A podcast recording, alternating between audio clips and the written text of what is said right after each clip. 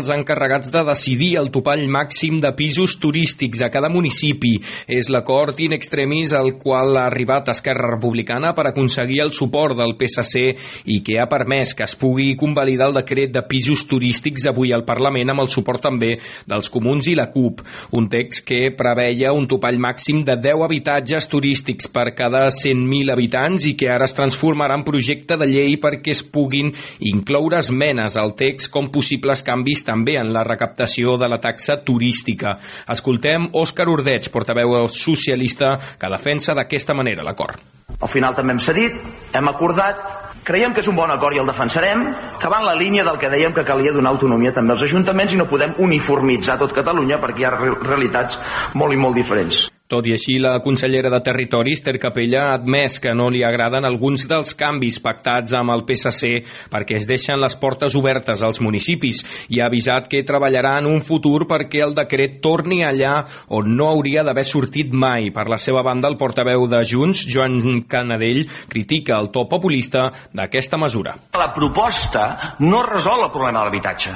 La prova és que la memòria del decret no conté cap, absolutament cap dada que demostri l'efecte efecte positiu d'aquest decret sobre l'habitatge. La manca d'habitatge no es soluciona atacant, criminalitzant a un tipus de turisme que representa només el 2,5% del parc d'habitatge. El decret aprovat al Parlament es tramitarà com a projecte de llei per canviar-ne el contingut abans del març. La Federació Catalana d'Apartaments Turístics ha celebrat que s'elimini el topall per població, però diu que portarà el decret al Tribunal Constitucional, ja que és una norma dolenta per al sector i l'economia. I justament avui hem sabut que tres barris de l'Eixample de Barcelona, l'antiga, la dreta i la nova, concentren l'increment més destacat de pisos turístics en els darrers sis mesos, segons dades d'una estadística experimental de l'Institut Nacional d'Estadística. A l'altra banda de la balança, tots els barris de la Ciutat Vella n'han perdut, especialment el Raval, el Gòtic i la Barceloneta. Un altre punt on augmenten els pisos turístics és a la façana marítima, tot i que de manera més moderada on lidera la crescuda al barri del Poble Nou. I més notícies en l'àmbit esportiu a l'Eurocup femenina. Aquest dimecres es juga la tornada dels setzents de final a un quart de vuit de la tarda. Juga l'Espar Girona amb l'avantatge de 12 punts, 77 a 89. I mentrestant el Cadí la Seur també rebrà el Brain a tres quarts de nou. Fins aquí les notícies en xarxa. Notícies en xarxa.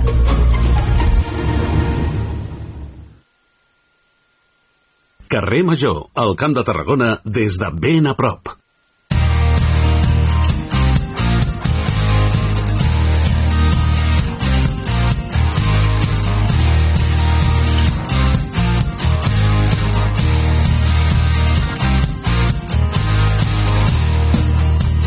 Carrer Major, un programa de ràdio Ciutat de Tarragona, Altafulla Ràdio, Ràdio Montblanc, Ràdio La Selva, Ona La Torre, la nova ràdio de Reus, Ràdio Hospitalet de l'Infant i Baix Camp Ràdio en col·laboració amb la xarxa de comunicació local de l'Infant i Baix Camp Ràdio. Hola, bona tarda. Benvinguts a Carrer Major, el programa en què cada dia passegem pels intríngulis i les coses que passen al Camp de Tarragona, intentant també tenir una mirada global. Avui destaquem per començar que l'Organització Mundial de la Salut adverteix d'una nova variant de la Covid-19 eh, per la seva ràpida expansió. Es preveu que els contagis augmentin ara que està circulant aquesta nova variant, que de nom li han posat JN.1, i també l'arribada de l'hivern, però diuen que el risc per la salut global es considera actualment baix. Així, afegeix que les vacunes també continuen protegint contra les formes greus de la malaltia que poden ser provocades per aquesta variant i les altres que encara continuen circulant. Aquesta és una notícia d'avui i en l'àmbit social tenim notícies polítiques. El govern espanyol anuncia que durant l'any vinent es posaran en marxa els permisos parentals retribuïts.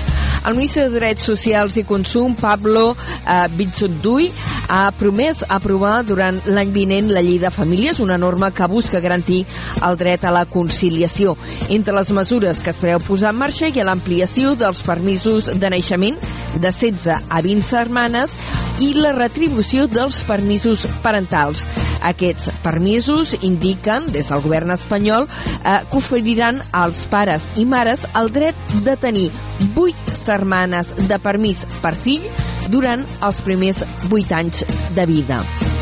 I parlant de canalla, una notícia d'aquestes que fan patir. Gairebé una quarta part dels infants catalans, una quarta part, és a dir, gairebé un 25%, viuen en famílies que han estat desnonades de casa seva o estan en risc de ser-ho. Ho revela una enquesta de Save the Children que s'ha fet a 200 famílies amb uns 400 infants a càrrec. En el cas de Catalunya, l'habitatge continua sent una de les causes principals de desigualtat i exclusió social juntament amb la inflació i l'atur. I parlant d'habitatge, avui hi ha hagut un pas enrere en la normativa d'habitatges turístics que s'havia aprovat per decret al govern català. Avui s'ha debatut al Parlament i hi ha hagut un acord in extremis d'Esquerra Republicana i PSC. Això introdueix la possibilitat de modificar la regulació d'aquests pisos turístics per tal que siguin els ajuntaments qui decideixin si s'estableix un topall o no. A més, el nombre de municipis on s'aplicarà la nova normativa, que obliga a tenir una llicència prèvia, es redueix respecte al que s'havia eh, dit inicialment i queda fixat en 140. Tot plegat s'haurà de tramitar per la via de uh, llei, d'una una proposta legislativa amb la qual s'introduiran aquests canvis i potser d'altres al decret que, com dèiem, havia aprovat inicialment el govern català. N'estarem al cas perquè haurem d'anar introduint canvis amb aquesta regulació de pisos mm, turístics, del qual també un tema que n'havíem tractat en profunditat aquí en una entrevista en aquest programa. Això és Carrer Major, eh, som les emissores al Camp de Tarragona treballant de manera coordinada amb el suport de la xarxa de comunicació local. Us acompanyem tot l'equip que fem el programa, l'Iri Rodríguez, la Deis Pérez, en David Fernández, la Gemma Bufies, la Cristina Artacho, en Pau Corbalan, l'Adrià Requesens, en Jonai González, l'Antoni Mellado, Antoni Mateos jo mateixa que us acompanyo aquesta primera hora. Soc l'Anna Plaça i el Iago Moreno, que el tenim tocant els botons del control tècnic. Comencem. Carrer Major, Anna Plaza i Jonai González.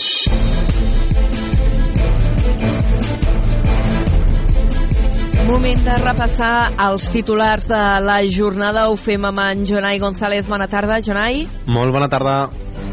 El conseller d'Acció Climàtica, David Mascor, afirma que la interconnexió de les xarxes del CAT i el Ter Llobregat no és la solució. Mascort referma que no hi haurà transvasament de l'Ebre per fer arribar aigua a l'àrea metropolitana de Barcelona. Salou estudia recórrer la justícia el projecte del tramvia del Camp de Tarragona perquè considera que les catenàries que es volen instal·lar ara suposarien una nova barrera urbana. Territori planteja la instal·lació d'aquest cablejat aeri en alguns punts entre Cambrils i Vilaseca perquè les bateries dels trens no tenen prou autonomia per fer tot el recorregut. De la qüestió del trencamp també n'ha parlat avui i en sentit contrari l'alcaldessa de Reus, Sandra Guaita. Guaita ha defensat la necessitat i utilitat del projecte del tramvia davant les crítiques que formulaven ahir els transportistes i avui l'alcalde de Salou.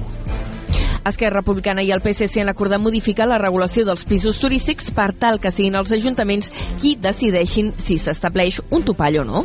A més, el nombre de municipis on s'aplicarà la nova norma es redueix fins a 140. Aquests són els que hauran d'aplicar el sistema de llicència prèvia. Mentrestant, una trentena de municipis s'han sumat al manifest de Salou contra aquest decret llei sobre habitatges d'ús turístic. El text critica l'impacte econòmic negatiu que la regulació podria tenir sobre les economies locals. I en àmbit municipal destacarem que l'Ajuntament d'Altafulla aprovarà un pressupost de 10,8 milions d'euros. El consistori manté uns números similars als dels últims comptes. Destacar la inversió en reposició de sorra, l'arranjament del passeig marítim, la bassa de laminació i mesures d'eficiència energètica. També tindrem notícies nadalenques, com per exemple la presentació dels magatzems reials al Moll de Costa de Tarragona. Són les notícies d'avui dimecres. D'aquí una mitja hora, una miqueta més, les ampliarem aquí a Carrer Major en aquesta primera hora. Jonà, llavors et tornem a saludar de nou. Fins ara. Fins ara, adeu. Adeu.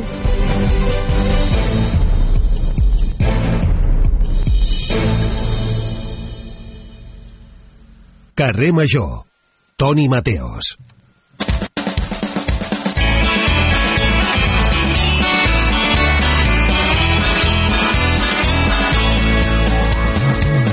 Ai, Mateos. Ai, plaça, què tal? Has vist les coses que t'he apuntat al guió? No te l'has mirat? No me l'he mirat, no, és que estava aquí escrivint les coses dels tonis i no he vist res. És que he pensat, li he de dir dos coses. Una, ja s'han fet públics els guanyadors del ganxet pinxo, Mm. Que, que Molt són un munt de premis, clar, no sabia Sí. quin dia, però premis populars, vale? votació propi- populars, grillats Reus, barbecue, Soho Mercat i Buana. No sé si en vas tastar cap. Cap perquè la ganxet pinxo eh, no estic molt a favor de la ganxet pinxo. Oh! Què m'acabes de dir, això? A Què veure, no, no, no, no, a veure, a veure. A estic veure. molt a favor dels pinxos, etc etc, però no estic a favor de la quantitat de cervesa que et donen. És, Què era? Am, eh, mínima, és un quinto.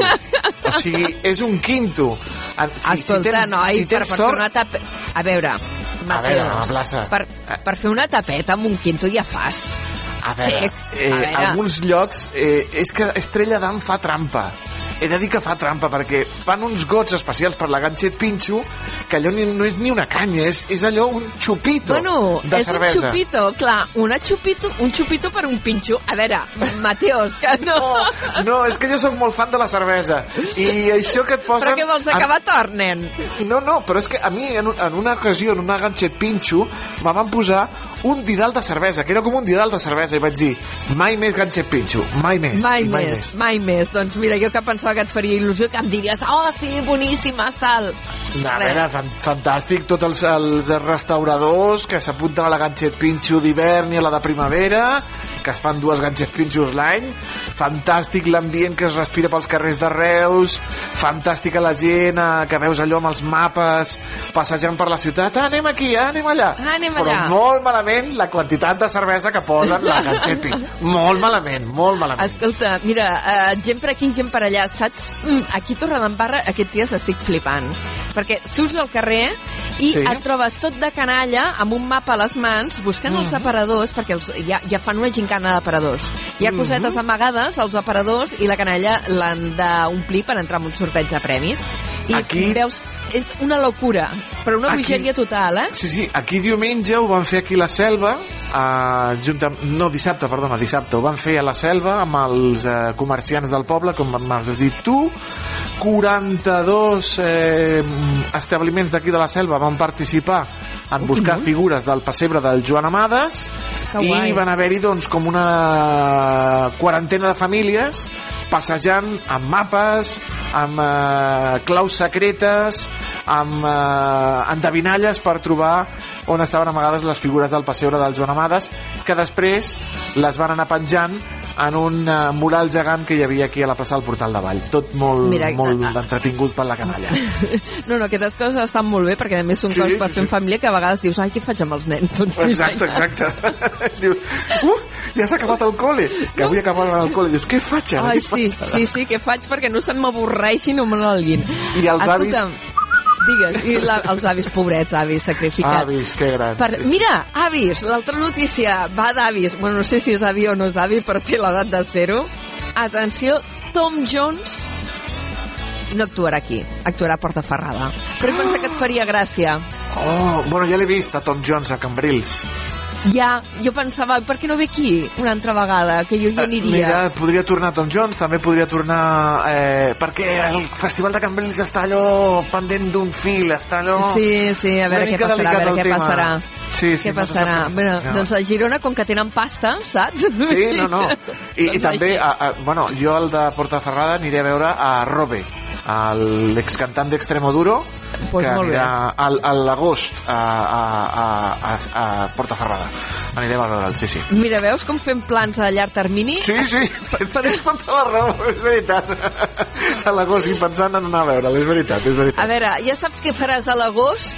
Què faràs a la segona hora del programa? Molt ben trobat, mira. Eh, Molt farem... ben... Home, sabia que t'agradaria. Eh, ens visitarà el David Sanauja, que és el president d'Epilep, d'una associació d'epilèpsia del Camp de Tarragona, per parlar-nos del paper de l'entitat, eh, d'una campanya que es diu Un petit gest per, per un gran canvi, bueno, moltes coses, i desvetllarem molts eh, misteris sobre l'epilèpsia. Parlarem també amb la Pili. La Pili és la propietària de la Greta. Greta és una gossa que va amb cadira de rodes. Alerta amb això. No li funcionen les dues putetes del darrere i porta com una espècie de cadira de rodes enganxadeta a, a, a les seves culet. extremitats i Ai, pam, al culet i ell és molt feliç, molt feliç, molt feliç i han fet un llibre sobre aquesta experiència. Els Tonis, eh, Malmellado i un servidor us parlarem de les coses de Nadal que fan allò de ja és oficialment Nadal quan Pastorets. sona Maria Carey. Ja és Home. oficialment Nadal quan, quan hi ha pastorets. Ja és oficialment Nadal quan fas cua a la pastoreta per comprar el número de la grossa. Doncs pues ja és Nadal. I banda sonora del Camp de Tarragona i furgoneta amb la Cristina que s'anirà fins a la fàbrica de les il·lusions, a Valls. Oh, Ah, molt bé. Estupendo. Meravellós. fantàstic. doncs tot això a partir de les 5 de la tarda amb Toni Mateos i companyia. Tenis fins després. Fins després, Anna, una abraçada. Adiós.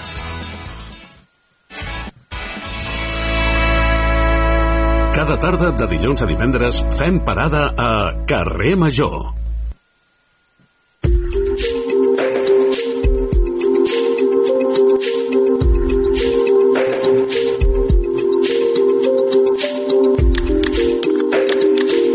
Passa un minut d'un quart de cinc de la tarda i avui a l'entrevista farem una cosa que encara no havíem fet aquesta temporada, que és tornar a entrevistar a una persona que havíem tingut fa molt poquetes setmanes, fa molt pocs dies, de fet. Ella és la Susana Borràs, investigadora del Departament de Dret Públic de la Universitat Rovira i Virgili i experta en drets de la natura. I van, pensar, i van parlar res ara, a principis d'aquest mes de desembre, abans que s'anés als Emirats Àrabs per participar a la cimera del canvi climàtic. Ara n'ha tornat, ha fet un article reflexionant sobre com ha anat aquesta cimera i per fer el post, doncs per això l'hem tornat a convidar. Uh, Susana, molt bona tarda, benvinguda a Carrer Major de nou. Nosaltres un altre cop. Ara, ara. La tenim per vídeos trucada, la Susana Borràs. Esperem que funcionin les comunicacions perquè ens han dit, ens has dit que estaves en zona de més aviat rural amb alguns problemes de cobertura. Esperem que tot vagi bé. Um, aquest article que has publicat, que, que es difonia fa uns dies a través de les xarxes socials de la Universitat Rovira i Virgili, que trobareu també al seu diari digital, el titulaves La cimera sobre el canvi climàtic. Al principi del final, que era l'afirmació eh, que va fer uns dels responsables de l'ONU, no? És el principi del final de les emissions de gasos d'efecte hivernacle. Però tu, amb aquest principi del final, hi poses un interrogant. Per què? Exactament, no? Um, el tema està que abans d'anar a Dubai, a la conferència de les parts, la número 28, teníem les esperances de que uh, un dels acords finals fos el que respongués a l'eliminació de la utilització dels combustibles fòssils. No m'he arribat a aquest objectiu uh, per per tant ha estat mm, insuficient l'acord, però també ha estat benvingut en el sentit de que hem aconseguit posar per primera vegada a la història de les negociacions climàtiques eh, la referència a una transició que permeti l'abandonament de les energies fòssils, el carbó, el petroli i el gas en les energies que utilitzem. Per tant, eh, més que una afirmació contundent d'èxit, no? és una afirmació relativa d'èxit. No? Per això posava l'interrogant, perquè d'acord amb la comunitat científica, per tal de mantenir-nos no? en el llindar de seguretat de no superar el grau i mig de calentament global de temperatura a finals de segle, és fonamental l'eliminació radical urgent, immediata, de la utilització dels combustibles fòssils. A veure, aquí es fixen terminis d'alguna manera, no? Amb això hi ha hagut una certa concreció, tot i que no s'ha acordat aquesta eliminació radical eh, de, dels combustibles fòssils, però sí que s'han anat fixant uns terminis que, que no sé si et semblen suficients així eh, a priori. Bé, eh, d'acord amb la ciència, el que hauríem d'establir de, com a termini és el més aviat possible. Cada any que es en negociació climàtica, d'acord amb el panell intergovernamental de canvi climàtic, es va tancant la finestra d'oportunitat. No? El, justament abans de la celebració de la conferència de les parts, eh, ens, la comunitat científica ens deia, ens alertava, que sumant tots els compromisos que han adquirit els estats en termes de mitigació dels gasos d'efecte hivernacle, ens estem mantenint en un escenari d'un augment de temperatura del 2,1-2,8 graus de temperatura per a finals de segle. Per tant, sobrepassant el grau i mig de seguretat que ens diu que no hem de sobrepassar. Evidentment, la transició cap a aquest abandonament d'energies fòssils s'estableix com a mitigació la reducció d'un 43% de gasos d'efecte hivernacle pel 2030 i un 60% pel 2030 2035 eh, eh, per arribar als zero emissions de, eh, pel 2050. Evidentment, això una altra vegada és un anunci benvingut, per tant, perquè ens situa no, amb un full de ruta més que necessari, però que no s'atén a la urgència que ens demana la comunitat científica. És insuficient, eh, estem davant d'una emergència climàtica que requereix mesures immediates i urgents i contundents. De fet, aquest horitzó de 2050 eh, de zero emissions eh, de diòxid de carboni i gasos d'efecte hivernacle és un horitzó que ja fa temps que, que està sobre la taula, però encara que no sigui un horitzó imminent, que només faltin 25 anys, dius, ostres, en aquests 25 anys hi ha temps material per fer el canvi de sistema productiu. És que gairebé ha de ser un canvi vital absolut el que hauríem de fer per poder arribar a aquestes zero emissions, no? En un moment en què encara tenim debat sobre quines seran les tecnologies alternatives per poder eh, superar els combustibles fòssils. Sí, és cert. Eh, és una qüestió molt complexa que requereix canvis sistèmics estructurals molt profuns, però que no són impossibles en la mesura que tenim la tecnologia suficient, eh, sobretot basada en energies renovables, tenim el coneixement per aplicar-lo i, a més a més, també tenim el finançament. No? Ara bé, això traslladat a nivell internacional, no? la nostra dependència als combustibles fòssils determina la nostra seguretat energètica no? i aquests canvis sistèmics doncs, no són pas fàcils. No? D'aquí que parlem d'acció climàtica i això què vol dir a nivell internacional parlar d'acció climàtica? Vol dir que no solament hem de treballar en termes de mitigació, de reducció d'emissions de la nostra petjada carbònica, sinó que també hem de treballar a nivell d'adaptació de com ens preparem no, per a aquests impactes climàtics. Ja podem dir-li sequera, podem dir-los eh, inundacions, però també hem de parlar de les pèrdues i danys que ocasionen els desastres climàtics. I ara, a més a més, hi afegim aquest, eh, aquesta transició cap a l'abandonament dels combustibles fòssils. Aquesta acció climàtica eh, requereix molts esforços, esforços eh, estructurals, però també un alt volum de finançament. Finançament que es Això t'anava Sí, sí, sí això t'anava a preguntar perquè eren dades que, que dones al teu article, si em permets que et talli, no? perquè dos dades que m'han cridat l'atenció. Uh, aquestes uh, promeses de finançament de nodrir amb 700 milions de dòlars al fons de danys i pèrdues, consideres que són insuficients, i més tenint en compte que, uh, segons el Fons Monetari Internacional, una de, altra dada que portes, es destinen 1,3 trilions de dòlars trilions de dòlars cada any a subvencionar els combustibles fòssils a tot el món. Això és molt Exactament. bèstia. És molt fort. De fet, com us deia, no és un problema de falta de recursos, els recursos estan, però estan mal distribuïts. No? I aquests recursos actualment s'estan destinant doncs, a, les, a les energies eh, brutes, fòssils, no? que ens han situat en aquesta situació de, de perill climàtic. No? De fet, però per què el... ja van soles? Quina justificació donen aquests ajuts? Si tot uh, funciona bueno, amb petroli. Exacte, continuen subvencionant les indústries petroleres que han exercit una, una forta pressió en la COP no? i que no um, s'atenen a les seves responsabilitats.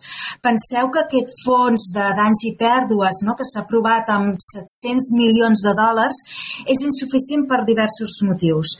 Primer, per un tema de justícia, com com bé, deies tu, Anna, no? d'aquesta de, des, de distribució desigual. Però és que, a més a més, eh, aquests diners no arriben a cobrir les necessitats d'aquests eh, danys i pèrdues que han sofert molts països del món com a conseqüència d'aquesta inversió i aquesta subvenció cap als combustibles fòssils. Sols, tant, sols representen un 0,2% de les necessitats que tenen aquests països. Penseu que només les inundacions que es van generar aquest estiu passat a Pakistan es van assolir unes pèrdues equiparables a 40.000 milions de dòlars. I ara estem parlant solament de 700 milions de dòlars, que és el que cobra un futbolista dels més reconeguts actualment. No? Per tant, penseu que no estem amb una falta de recursos, sinó amb una falta d'assumpció de responsabilitats. No? I que, a més a més, continuen privilegiant aquelles indústries que es, que es continuen beneficiant del uh, calentament global que estan generant. No? Per tant, necessitem canvis estructurals, però també responsabilitzar no, uh, aquells que estan generant el dany al planeta. Uh, més enllà d'aquestes valoracions més tècniques que també reculls en aquest article que, com dèiem, el podreu trobar al diari digital de la Universitat Rovira i Virgili, uh, teníem ganes que la Susana Borràs, investigadora del Departament de Dret Públic de la URB, ens fes cinc cèntims també de com va ser l'experiència personal de participar en aquesta cimera, clar, perquè estem parlant d'una macro reunió, és que clar, m'he quedat amb la xifra 85.000 assistents. És que és una animalada, com funciona això? Bé, de fet, eh, bueno, jo hi participava com a observadora. La societat civil eh, organitzada pot participar en aquest espai que s'anomena Zona Blava, on es produeixen les negociacions a l'alt nivell de, dels representants dels estats, i és una gran oportunitat perquè no solament veus aquestes persones tan importants no? passejant-se eh, pel teu costat, quasi bé, eh, sinó també com pots tu incidir-hi no? a nivell organitzat o també a nivell individual. Jo vaig tenir l'oportunitat no, d'intentar fer incidència eh, en, en el document final, no, juntament amb altres organitzacions, de com podíem eh, protegir la, la natura no, perquè no s'utilitzés en fins econòmics i, i utilitzar-la. No? I vam recolzar sobretot el govern de, de Bolívia per intentar que la paraula mare natura, la mare terra, eh, estigués present en el document, no? una mica per, per contrarrestar no? uh, aquest discurs basat en, en la capitalització de la natura. Eh, de fet, en el, quan, quan es parlava de les últimes negociacions, no, allò que, que a més es va aprovar a altes hores de la matinada, el document final, eh, els periodistes, els analistes anaven parlant de la importància de les paraules, eh, dels matisos. Ara que tu deies això de, de mare natura, aquí s'anava a mirar amb lupa el sentit de cada paraula. Exacte, no? Inclús quan parlàvem de... El, el terme més polèmic va ser si utilitzar transició o eliminació o no utilitzar cap d'aquests verbs, no? En el primer dels escenaris eh, era no fer referència a cap tipus de plantejament o qüestionament de que s'hagués d'abandonar els combustibles fòssils. Aquesta va ser la primera versió i que va generar un gran revolt dins de la zona blava, no? Eh, després van passar a la possibilitat o bé d'eliminació federació, que era una opció recolzada per uns 100 estats i per tant teníem una esperança activa de que s'inclogués aquest verb en aquest escenari d'eliminació de la utilització dels combustibles fòssils en la nostra energia. Però a la pressió de, dels països de l'OPEP, de productors de petroli, va ser tan, tan forta que finalment vam arribar en aquest punt intermig de transició, no? que no arriba a satisfer no? els reclams de la comunitat científica ni de la societat civil. No? Eh, és, un, és una realitat molt complexa, realment. No és tan fàcil arribar a un acord. Penseu que els acords s'arriben per consens entre els estats i hi ha molts interessos per, per enmig. No? Tot i així, eh, doncs dins d'aquestes discussions es va arribar doncs, a una solució que no satisfà del tot, però que almenys és intermitja i l'utilització del llenguatge a nivell internacional és molt important. No? I per tant la societat civil que estàvem allí com a observadores doncs, tenim un paper molt important. No? Se'ns va criticar moltíssim no? del fet de que ens haguéssim desplaçat eh, doncs, utilitzant mitjans aèris, evidentment, per arribar a Dubai i, per tant, incrementar la petjada carbònica, però pensàvem que no podien renunciar a utilitzar en unes decisions que són clau pel planeta i per, totes, per tots i per totes. No? I per tant, creiem que era important ser-hi, creiem que era important doncs, uh, utilitzar la nostra paraula per poder estar en un lloc que, que principalment és un dels principals productors de petroli no? i volíem evitar que hi hagués no, un revertiment d'aquesta ruta eh, que ens guiava la, que ens guia la comunitat científica que hem de dir que hem de mantenir viu l'acord de París i no sobrepassar el grau i mig de temperatura global cap a finals de segle. Els experts vau poder anar a fer pressió, però el que no hi va poder haver, i això també en parles en el teu article, és manifestacions. Sí, de fet, dins de la zona blava era l'únic lloc en què excepcionalment el govern de Dubai, d'Emirats Àrabs, perdoneu, va autoritzar les manifestacions. No? Tot i així van ser manifestacions que, eh, en comparació amb, altre, amb altres reunions, en altres negociacions climàtiques anteriors, doncs van ser bastant tímides. No tant perquè no hi hagués el poder de la gent allà, per, que, com bé has dit, hi havia, eh, fins i tot vam arribar a superar les 100.000 persones en la zona blava en, en dies puntuals, sinó bàsicament perquè eh, aquestes negociacions climàtiques es produïa un país, els Emirats Àrabs, en què la llibertat d'expressió, eh, la llibertat d'associació, de manifestació, estan fortament reprimides. Per tant, era la zona blava, la zona de negociacions era ben bé com una bombolla, no? Mentre estaves a dins hi havia manifestacions mínimament eh, fortes, no? eh, tímides, però quan sorties de la zona blava doncs veies que la vida continuava en les seves excentricitats. No? Penseu que Dubai és una, una gran metròpoli en què està el paisatge és de rascacels, eh, hi ha un nivell de vida molt elevat en el que bueno, sembla que estiguéssim en un país totalment diferent quan sortíem de la zona blava, no? on es prenien les decisions mai, però... més importants. Clar, les imatges de Dubai no, és, és d'una natura completament alterada.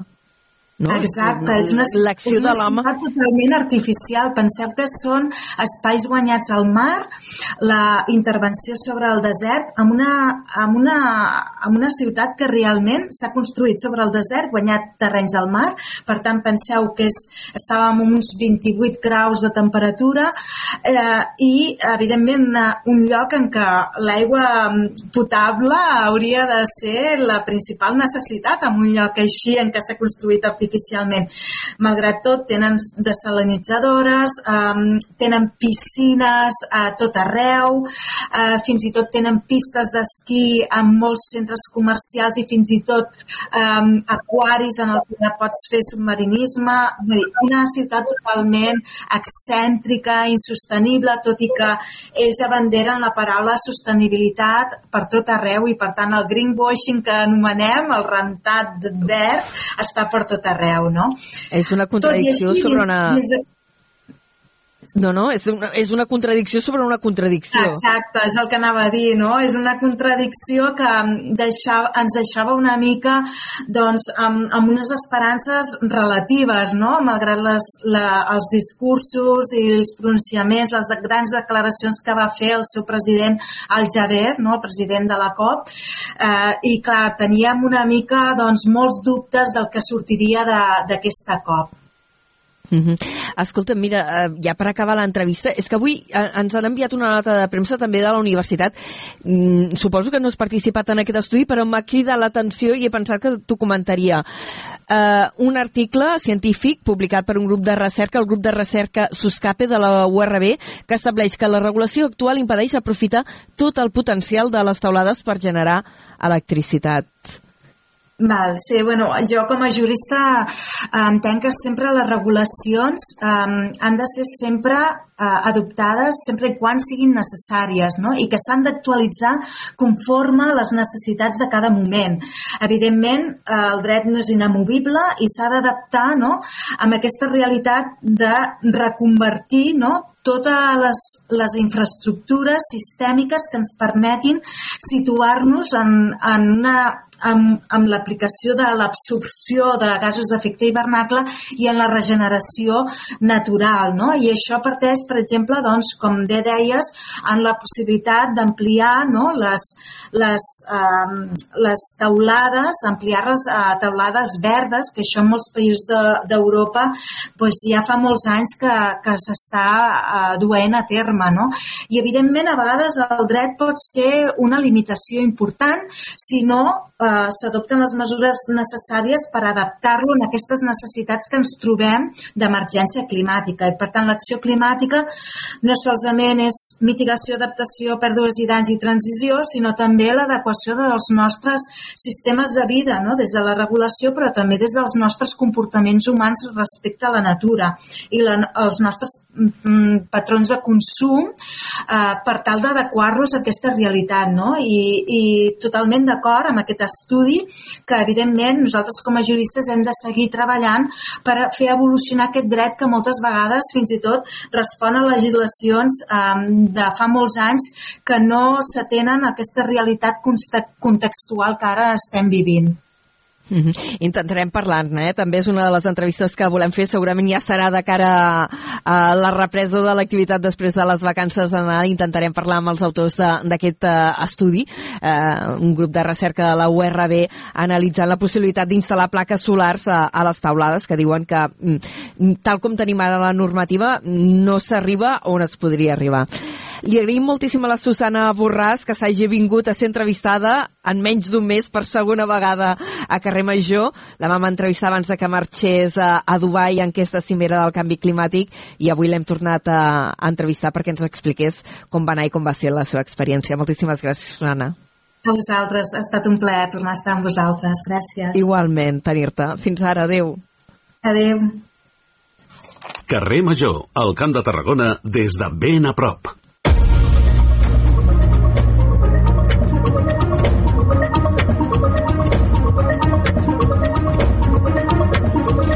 I aquesta sintonia ens introdueix ja al tram informatiu d'aquesta primera hora del programa en què eh, ens dediquem a entrar en detall a aquelles notícies eh, que abans us avançàvem només en forma de titulars, en forma de pinzellada. Jonai, et saludem de nou. Bona tarda. Molt bona tarda de nou. Amb notícies precisament relacionades també amb, canvi, en canvi climàtic, avui obrim l'informatiu. El conseller d'Acció Climàtica, en David Mascor, afirma que la interconnexió de les xarxes del Consorci d'Aigües de Tarragona, del CAT i el Ter Llobregat no és la solució i referma que no hi haurà trasbassament de l'Ebre per fer arribar aigua a l'àrea metropolitana de Barcelona. Mascort ho ha dit al Parlament en resposta a una pregunta de Junts. El conseller d'Acció Climàtica ha descartat així la proposta plantejada fa uns dies pel lobby de col·legis professionals d'interconnectar els dos grans sistemes hídrics del país per fer front a la sequera. La interconnexió no és una solució, ho hem dit moltes vegades. Aquí sí que puc dir que tot el nostre grup, tota la nostra formació està d'acord. No farem trasbassaments de l'Ebre. A més a més, els mateixos que presenten aquests dies la, la proposta ens diuen que això estarà fet a mitjans del 25 no és solució per ara. En aquest sentit, el conseller ha reiterat que per ara la solució és estalviar al màxim l'aigua que es pugui. I, d'altra banda, el Departament d'Acció Climàtica ha anunciat que el mes de gener s'obrirà la licitació per fer la planta de regeneració d'aigua a la depuradora de Reus. En principi, la iniciativa tira endavant a través de l'Agència Catalana de l'Aigua, l'ACA. La previsió és que l'any vinent es redacti el projecte i poder fer les obres al llarg de 2025. Aquesta és una de les reivindicacions que feia ahir la comunitat de regants del pantà de Riu de Canyes per tal de tenir aigua per al conreu de les 4.000 hectàrees que abasteix. Actualment, la depuradora de Reus desaprofita entre 5 i 6 hectòmetres cúbics d'aigua anuals que es podrien fer servir per regar si rebessin el tractament adequat. Fa dos anys, l'Agència Catalana de l'Aigua ja va presentar un primer projecte per regenerar l'aigua de la depuradora amb un cost estimat de 28 milions d'euros. A més de la nova planta de tractament, caldrà un sistema de canonades per transportar l'aigua. Ahir us parlàvem del trencamp, doncs avui més notícies al seu voltant. Salou estudia recórrer la justícia al projecte del tramvia del Camp de Tarragona perquè considera que les catenàries suposaran una nova barrera urbana. Territori planteja la instal·lació de cablejat aeri en alguns punts entre Cambrils i Vilaseca perquè les bateries dels trens no tenen prou autonomia per fer tot el recorregut. En té més detalls des de Ràdio Ciutat de Tarragona, l'Adrià Duc. Algunes d'aquestes catenàries afectarien part de la trama urbana de Salou, un fet que no ha agradat a l'alcalde de la ciutat, Pere Granados. La Generalitat de Catalunya té uns compromisos amb el nostre municipi que no s'han complert i per tant eh, el primer que ha de fer és complir amb aquests compromisos les seves obligacions envers a, a Salou i després que si aquest tramvia no és un tramvia que quedi absolutament integrat en el nucli urbà i ha de ser una altra barrera eh, dins del nostre municipi doncs evidentment nosaltres estudiarem qualsevol tipus d'acció, fins i tot de la judicial, eh, oposar-nos al mateix. Per la seva banda, els tècnics de territori estan estudiant amb els ajuntaments en quins punts s'acabaria col·locant la catenària. Tracten de prioritzar les zones interurbanes. El projecte constructiu està ja molt avançat i s'espera acabar-lo a finals del primer trimestre del 2024, amb l'objectiu que el tramvia entri en servei a finals de 2026. De la qüestió del trencamp també n'ha parlat avui i en sentit contrari, en sentit favorable, l'alcaldessa de Reus, Sandra Guaita. Ho ha fet en l'esmorzar eh, que ha mantingut amb la premsa motiu de Nadal. Guaita ha defensat la necessitat i utilitat del projecte del tramvia davant les crítiques que formulaven ahir els transportistes i avui, com sentíem, l'alcalde de Salou. L'alcaldessa de Reus ha manifestat que el tramcamp permetrà donar resposta a les necessitats de mobilitat i que s'està treballant amb la Generalitat per resoldre totes les qüestions tècniques que es van plantejant. Guaita també ha assenyalat que és una qüestió que s'haurà d'acabar treballant de manera unitària sota el paraigües de l'àrea metropolitana de Tarragona. Que es pot modificar part del traçat, que es pot modificar coses d'això, és el que crec que tots els municipis estem treballant amb les al·legacions que hem fet i amb, i amb la feina que s'està fent amb la Generalitat. I que sí que hem demanat, en aquest cas, que per exemple des de l'àrea metropolitana, quan ens haguéssim constituït, és tenir una veu unitària. En la trobada amb la premsa, l'alcaldessa de Reus també s'ha referit als projectes previstos per a l'any vinent. Ha apuntat que suposaran un punt d'inflexió important a la transformació urbanística de la ciutat. Amb una voluntat de transformació urbanística de la ciutat, importantíssima. Sabeu que hi ha transformacions urbanístiques des del Carrilet, que és una transformació important, de, de la plaça Llibertat cap al nord, també és una transformació important que ja s'està treballant des de fa temps, i des dels barris del sud de la ciutat també amb el que dèiem Eix d'Astorga, per tant, aquesta transformació urbanística és un dels eixos primordials de tot el govern. D'altra banda, Guaita ha anunciat que aquest divendres està previst aprovar definitivament l'increment d'impostos i taxes per l'any vinent i que la majoria d'al·legacions seran desestimades. Esquerra Republicana i el PSC han acordat modificar la regulació dels pisos turístics per, ta per tal que siguin els ajuntaments qui decideixin si s'estableix un topall o no. A més, el nombre de municipis on s'aplicarà la nova norma es redueix fins a 140. Aquests són els que hauran d'aplicar el sistema de llicència prèvia. En la seva intervenció al Parlament, la consellera de Territori, Esther Capella, ha admès que alguns dels canvis pactats amb el PSC per poder tirar endavant la nova normativa no li agrada. Creu que deixen les portes obertes als municipis per fer el que vulguin. Per aquest motiu, ha anunciat que treballaran perquè el decret torni als plantejaments originals. Nosaltres treballarem que en el llarg del projecte i per tant també en un futur que el decret torni i per tant la legislació torni d'allà allà d'on no hauria d'haver sortit mai El Parlament ha avalat aquest dimecres el decret del govern que regula els pisos turístics amb els vots a favor d'Esquerra Republicana, PSC, Comuns i la CUP. En canvi, Junts, Ciutadans, Vox i el Partit Popular hi han votat en contra. La cambra catalana també ha aprovat que es tramiti com a projecte de llei per poder fer modificacions. Serà en aquest tràmit parlamentari quan PSC i Esquerra Republicana s'han compromès a introduir els canvis pactats abans que acabi el mes de març. Una trentena de municipis, de fet, s'han sumat al manifest eh, que va liderar Salou contra aquest decret llei sobre d'habitatges eh, d'ús turístic, un decret llei que, com veiem, ara s'ha obert portes a modificar.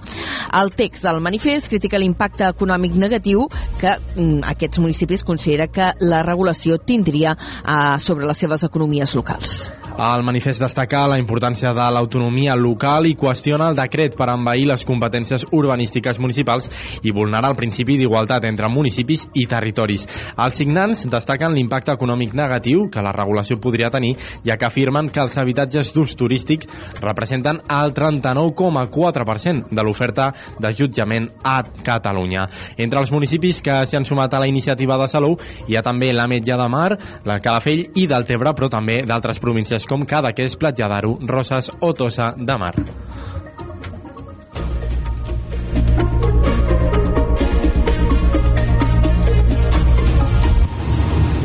Gairebé arribem al punt de tres quarts de cinc de la tarda. Una vintena d'infermeres han protagonitzat avui una xiulada davant de l'Hospital Joan 23 de Tarragona per reclamar millores salarials. Eh, convocades pel sindicat CATAC, els eh, participants han demanat a la Conselleria de Salut que els escolti.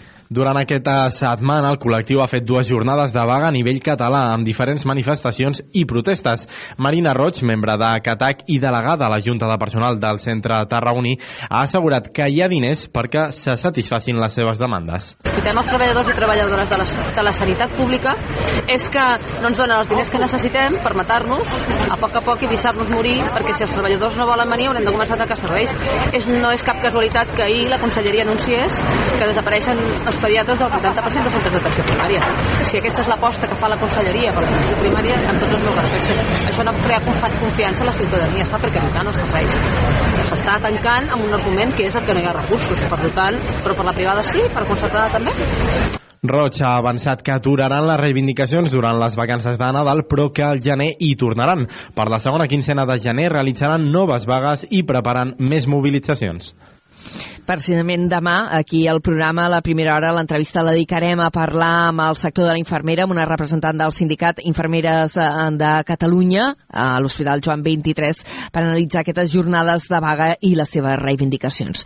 Dit això, us expliquem en el capítol de fet divers que s'ha desmantellat una banda que hauria comès vuit robatoris en cases de Ponent i de les comarques tarragonines de la Conca de Barberà i el Priorat. Els Mossos van detenir infraganti un dels investigats i es va precipitar la detenció de la resta d'integrants del grup.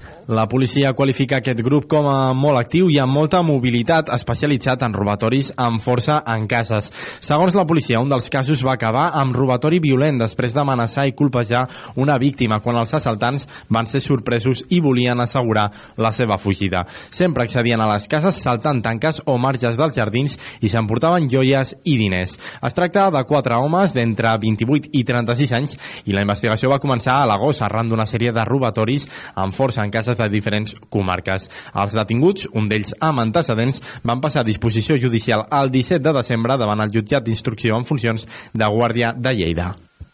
Entrem ara en crònica municipal. El sistema de bicicleta pública compartida de Reus, la ganxeta, ja té data d'estrena. Es posarà en marxa el 30 de gener. Aquest petit retard en la data prevista inicialment es deu al ciberatac que va patir l'empresa municipal la setmana passada i que ha obligat a concentrar els esforços de l'equip tècnic informàtic a restablir els serveis per no aturar l'activitat ordinària. Aquest fet ha provocat l'alentiment de les proves amb l'aplicació de la ganxeta que ara es tornaran a intensificar amb la vista posada al 30 de gener. La ganxeta, impulsada per l'Ajuntament de Reus a través de l'empresa municipal Reus Mobilitat i Serveis, és el primer sistema de bicicleta compartida creada i gestionada públicament que hi ha al territori. I anem ara a Altafulla, on l'Ajuntament aprovarà un pressupost de 10,8 milions d'euros. El consistori manté uns números similars als dels últims comptes i destaca la inversió en reposició de sorra, l'arranjament del passeig marítim, la bassa de laminació i mesures d'eficiència energètica. Ens dona més detalls des d'Altafulla, Ràdio, la Carol Cubota. Els comptes del consistori d'Altafulla per l'any vinent segueixen una línia continuista, sense grans inversions, a causa de la conjuntura econòmica i de la situació de les arques municipals, força debilitada, després d'un any amb pressupostos prorrogats i despeses sense atribució. Es manté la xifra pròxima als 11 milions d'euros i s'aposta per la gestió de la platja en partides tant per aportar sorra com per arranjar el passeig, com també per mitigar els efectes de les inundacions al barri marítim amb el projecte per crear una bassa de laminació. A més, com destaca el regidor d'Hisenda Dani Franquès, es presenta un pressupost equilibrat i que busca reduir la despesa, per exemple, fent inversions en canvis en els sistemes lumínics de diversos espais. Mirar on teníem despeses més grans, com és el cas de la llum, i uh, fer inversions que d'alguna manera eh, tendeixin aquest consum a estabilitzar-se o, o fins i tot anar a la baixa. La Violeta també rebrà una aportació de 40.000 euros per una programació cultural estable, lluny de les xifres que va deixar la gestió anterior de l'espai. El debat sobre els pressupostos tindrà lloc aquest divendres en una sessió extraordinària a les 12 del migdia. Moltes gràcies, Carol. I ben a prop, a Altafulla, la... ah, a Altafulla, a Torredembarra, volem dir, l'Ajuntament ha estrenat nova pàgina web. És molt més visual i intuïtiva que l'antiga i s'hi dona protagonisme a les notícies, l'agenda i la informació de servei. L'adreça per accedir-hi seguirà sent la mateixa torredembarra.cat. Ens ho amplia des d'on a la torre en Josep Sánchez. A la part superior hi ha l'accés a la seu electrònica i també a la carpeta de govern obert i transparència. A sota hi ha un banner mòbil amb temes destacats i també un ampli espai destinat a notícies d'àmbit municipal i a l'agenda. Finalment, per facilitar la navegació, s'ha fet un índex temàtic per localitzar els múltiples serveis que ofereix el consistori. El regidor de Govern Obert i Comunicació, Joel Ramírez, ja avançava la intenció d'estrenar la nova web abans d'acabar l'any. En destaca que serà una peça clau en el procés de millora de la comunicació municipal que un cop tinguem engegada la pàgina, la nova pàgina web de, de l'Ajuntament, a part que el ciutadà ho notarà, eh, tota la comunicació ha de, ha de donar voltes al voltant d'aquesta nova pàgina. Uh -huh. Amb l'estrena de la nova web es completa un procés que es va iniciar a principis de mes quan es va posar en servei el nou portal de govern obert i transparència. Gràcies, Josep. I una notícia de darrera hora que demà ampliarem amb més detall perquè és d'aquelles notícies una mica denses però que val la pena explicar bé. El Departament de Territori impedirà la construcció de 43.600 habitatges nous en 30 municipis de costa entre Malgrat de Mar i Alcanar. Això, per tant, afecta el nostre territori, el territori de, del Camp de Tarragona, els municipis costaners. Aquest pla director urbanístic del sistema eh, costaner ha quedat ja definit definitivament aprovat i entre els municipis que afecta, aquí a casa nostra, doncs, per exemple, hi ha Tarragona, Salou, Cambrils, l'Ametlla de Mar i Amposta, en el cas de les Terres de l'Ebre. Demà ja dèiem que ampliarem amb més detalls aquesta informació. Ara parlem de patrimoni perquè l'Ajuntament de Valls està fent aquesta setmana treballs arqueològics com a part dels estudis prèvits per redactar el projecte de recuperació de la muralla de Sant Francesc. El consistori confia que els fons Next Generation financin la totalitat del projecte que s'eleva fins als 2,8 milions d'euros. Des de Ràdio Ciutat de Valls ens ho amplien David Prats. En concret, els tècnics estan realitzant cales arqueològiques a l'àmbit de la muralla a l'alçada de la Font de Sant Sebastià. La regidora d'Urbanisme, Activitats, Patrimoni i Centre Històric, Sònia Roca, ha destacat la importància d'aquestes actuacions. És una prèvia per poder redactar el projecte executiu de tota la intervenció que veieu tant a les lunes com la que veieu aquí darrere. Necessitàvem tenir aquesta informació per acabar de definir com serà aquesta plaça. En funció del que surti, doncs es definirà d'una manera o d'una altra, però bàsicament és el traçat. La intervenció s'executarà en dues fases. El consistori ha sol·licitat finançament amb una estimació de pressupost d'uns 2,8 milions d'euros als fons Next Generation de la Generalitat, en la que seria la segona gran actuació de les muralles medievals, després de la realitzada aquest 2023 al primer tram de la muralla de Sant Antoni. El desenvolupament del projecte permetrà crear un nou passeig públic obert a la ciutadania i posarà en valor els vestigis de l'antiga muralla. I parlem ara del procés de digitalització de tot el fons documental de l'Arxiu Tarradellas de Poblet, un procés de digitalització que ha rebut un nou impuls gràcies al suport de la Universitat a Rovira i Virgili i la Diputació de Tarragona, que han signat un conveni amb el mateix monestir eh, que regula aquesta col·laboració. Totes tres institucions s'han posat de manifest la importància de la digitalització per salvaguardar i difondre la documentació de Poblet en condicions òptimes, un procés que ja es va iniciar l'any 2010 i que ja ha permès digitalitzar tots els fons que va portar el president Josep Tarradellas. Ara resta fer-ho pel que fa a alguns documents que va rebent l'arxiu vinculats a una quarantena de personalitats o entitats d'àmbit polític, cultural, històric i social en general. I ja us hem avançat abans en titulars, que portaríem també notícies nadalenques. El magatzem Reial s'instal·larà al moll de costa del 27 al 30 de desembre, amb un equip de 40 persones que desvetllaran l'essència de la cavalcada de Reis Tarragonina als nens i nenes de la ciutat i de les comarques de l'entorn, perquè el magatzem Reial hi acaba passant gent de tot arreu. Els patges i patgesses reials ja estan treballant a fons per posar en marxa el magatzem reial que s'obrirà, com dèiem, la setmana vinent del 27 al 30 de desembre per tal que tots els nens i nenes que ho vulguin, així com les seves famílies, puguin visitar l'espai i veure quina feina fan, així com dipositar les seves cartes a la bústia reial. I eh, parlem d'altres activitats eh, nadalenques. Entre aquestes hi ha els Parcs de Nadal. El de Tarragona es realitzarà, a organitzar per l'Institut Municipal d'Educació i amb la col·laboració d'entitats del territori. En aquesta edició, on es faran fins a 36 tallers diferents durant els 4 dies de durada del parc, la temàtica que farà de fil conductor serà el circ. Ens ho amplia des de Ràdio Ciutat de Tarragona, l'Adrià Duc. El conseller d'Educació de l'Ajuntament de Tarragona, Berni Álvarez, s'ha mostrat il·lusionat i satisfet amb la feina feta i les millores assolides per al parc. Eh, com sabeu, el parc comença el 27 de desembre fins al 4 de gener i volem aquest any amb la temàtica central de, del circ, a partir d'aquí desenvolupar un munt d'accions, tallers, també tenim activitats esportives, tot dintre també d'un àmbit de crear un ambient sostenible, no? de, de que tot sigui aquesta, aquest foment del Nadal sostenible, amb aquestes dates que són tan, a vegades tan consumistes. Es tracta d'un parc adaptat a totes les franges d'edat, amb una carpa amb capacitat per a més de 100 persones on es faran fins a 24 activitats simultànies. Tallers, inflables, trenet elèctric, elèctric i com a novetat algunes activitats exteriors relacionades amb l'àmbit de l'esport. El Parc de Nadal estarà instal·lat al Palau Firal i de Congressos des de la tarda del 27 de desembre fins al 4 de gener i tindrà un horari d'11 a 2 als matins i de 5 a 8 a les tardes, excepte la tarda del dia 31 de desembre i el matí de l'1 de gener que romandrà tancat. Les entrades ja estan a la venda de manera digital i també es podran comprar en taquilla. Aquests són els detalls del Parc de Nadal de Tarragona i el de Reu eh, presentarà activitats renovades i també incorporarà una zona per als joves d'11 a 17 anys. Es farà amb dates similars, començarà el 27 de desembre i s'allargarà fins al 4 de gener comptarà amb una oferta renovada amb més de 60 activitats. L'edició d'enguany tornarà a ocupar tot l'espai interior de Fira Reus, més de 6.000 metres quadrats, i l'àmplia zona exterior del recinte. L'eix temàtic serà les dones influencers, una temàtica que s'ha escollit per posar de manifest la influència profunda de les dones en la societat al llarg dels anys com a líders i pioneres en diferents àmbits. I acabarem amb una recomanació cultural molt, molt, molt breu i és l'estrena d'una exposició al Servei d'Urgències de Santa Tecla sobre la llum de la catedral. Es tracta d'una mostra immersiva eh, que ha dissenyat el fotògraf tarragoní Pep Escoda. Dit això, tanquem aquesta primera hora de carrer Major. Ara a les 5, que agafa les regnes Antoni Mateus i companyia. Fins ara.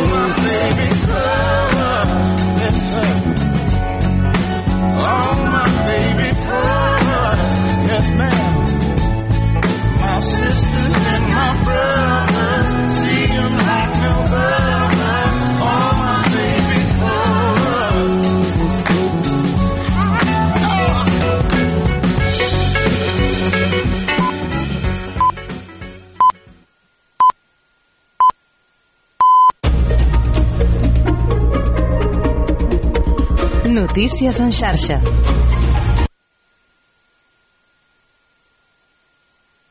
A avaluar la immersió lingüística marxa avui de Barcelona sense resposta a moltes de les seves preguntes. És el que ha dit la presidenta de la missió, Jana Tum, eurodiputada d'Estònia i pertanyent al grup liberal. La presidenta dels eurodiputats també ha denunciat que no van poder parlar lliurement amb els docents dels dos centres educatius, ja que la Conselleria d'Educació va enviar supervisors als dos centres per vigilar les converses que mantenien amb els docents. The delegation takes the exchange of views. La delegació pren l'intercanvi de punts de vista de les escoles amb certa reserva, atès que els professors i els directors de les dues escoles que van visitar van parlar sota la supervisió de representants de la Conselleria d'Educació, que van prendre la paraula per aclarir el que ens deien els directors, i en algun cas fins i tot van parlar en nom dels directors. Això obstaculitzava l'intercanvi lliure d'opinions. La delegació veu com un problema que els pares que vulguin el 25% de les classes en castellà hagin d'acudir individualment als tribunals per reclamar-ho. Tom ha reconegut que no podran aportar cap solució a les queixes dels, dels peticionaris.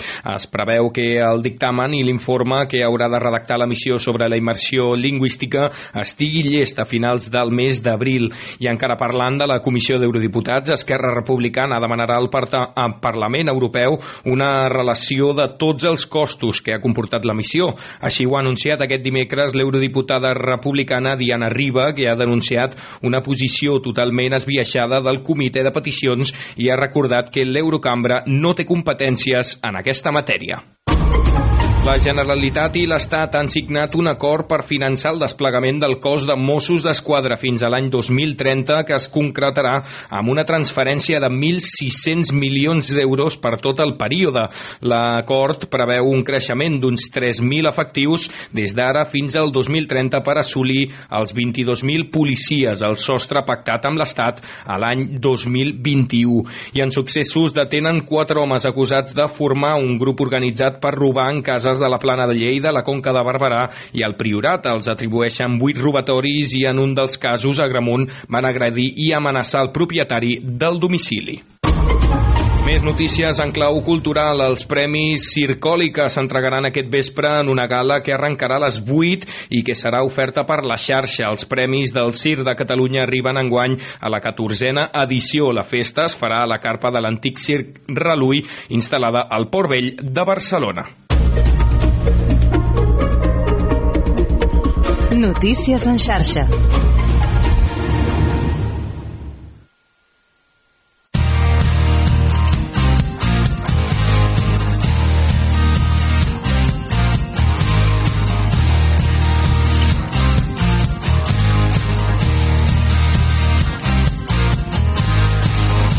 Carrer Major, Toni Mateos i Aleix Pérez.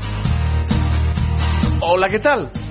Si hi ha una cosa que em fa molta, molta, molta, molta, molta ràbia, és una multa. Sí, a veure, que potser és culpa meva per anar massa ràpid, per aparcar on no devia d'haver aparcat, o per fer una petita infracció, digue-li canvi de sentit, quan pensava que ningú m'estava mirant, però la policia sempre està atenta, sempre hi ha un policia. Moltes vegades ens en recordem de la mare que va parir i de la família de la policia local i pensem, segur que amb el teu jefe no li fots la multa, eh? El regidor o l'alcalde de torn, segur que amb ells no t'atreveixes. Doncs sí, sí que s'atreveixen, concretament a Cambrils. Enrique Arce, regidor de l'Ajuntament cambrilenc, va aparcar un dia malament el seu cotxe en una zona de càrrega i descàrrega. Mira, portava pressa el bo del regidor, com molts de nosaltres, que pensem, per 5 minuts no molesta. Però molestava. I va ser multat per un policia local. El valent policia li va ficar una multa al seu propi regidor, el regidor de policies. Molt ben fet, sí senyor. Aquí si paga un, paguem tots.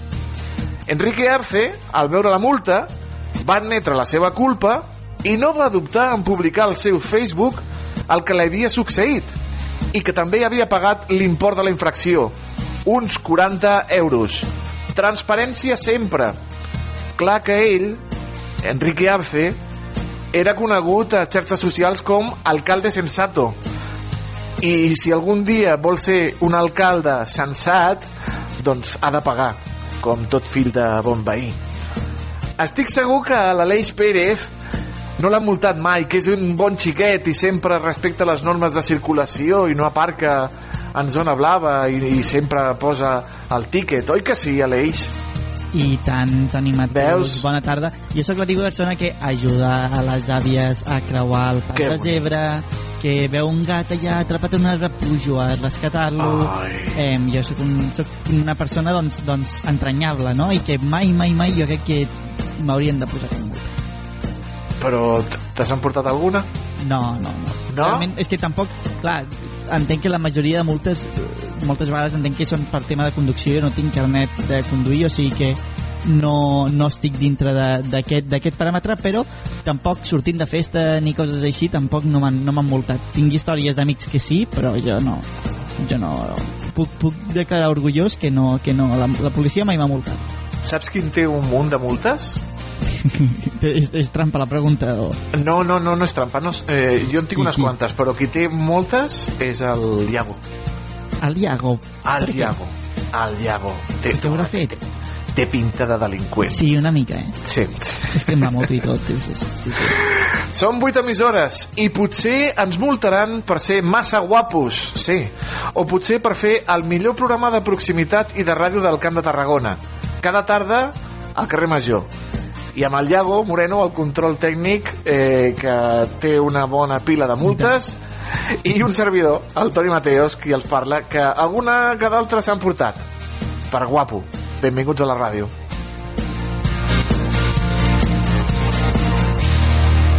Carrer Major, el primer programa del Camp de Tarragona. I saps, estimat Aleix, que està disponible ja?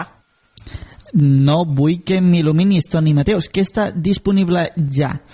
Doncs un nou capítol del podcast de veïns dels companys de Ràdio Ciutat de Tarragona i del company home. Adrià bé. Ens porta a una protagonista... Bueno, bueno, bueno, bueno, bueno. Què, què, què hem de dir? Què hem de dir de l'Ester Gomis? Mhm. envoltada de camps d'avellanes, envoltada de maquinària, pagesa, ella... Bueno, bueno, aquest és el tastet, escolta'l. Aquest és un nou capítol del podcast veïnal del Camp de Tarragona. Històries i protagonistes del nostre territori. Camps i Avellanes. Allà hi trobem a la protagonista del nou capítol del podcast de veïns. Hola, sóc l'Ester Gomis, eh, tinc 45 anys, de Vilallonga del Camp i sóc pagesa de l'Avellana. Esther Gomis, dona emprenedora i actualment al capdavant de la DOP Avellana de Reus, ens explica com a la seva infància ja recorda aquest conreu del llegat familiar, tot i tenir altres aspiracions. Jo de petita volia ser moltes coses, missionera, metge, veterinària, volia fer moltes coses i bé, eh, de gran ha canviat una mica. Uh, jo de petita vaig créixer entre Avellaners, els meus pares són pagesos, tant el pare com la mare sempre s'han dedicat a fer agricultura, a cultivar els avellaners i jo em vaig fer gran entre, entre bancals d'avellaners.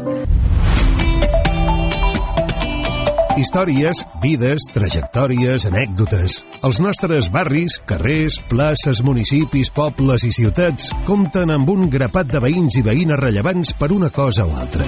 El podcast veïnal de Carrer Major, el programa de les 8 ràdios de la xarxa al Camp de Tarragona, ens fa descobrir aquests perfils del territori cada setmana amb Adrià Requesens. No et perdis cada capítol a rctgn.cat. Podcast de veïns. Gent amb marca local. Que bones Carrer Major és proximitat.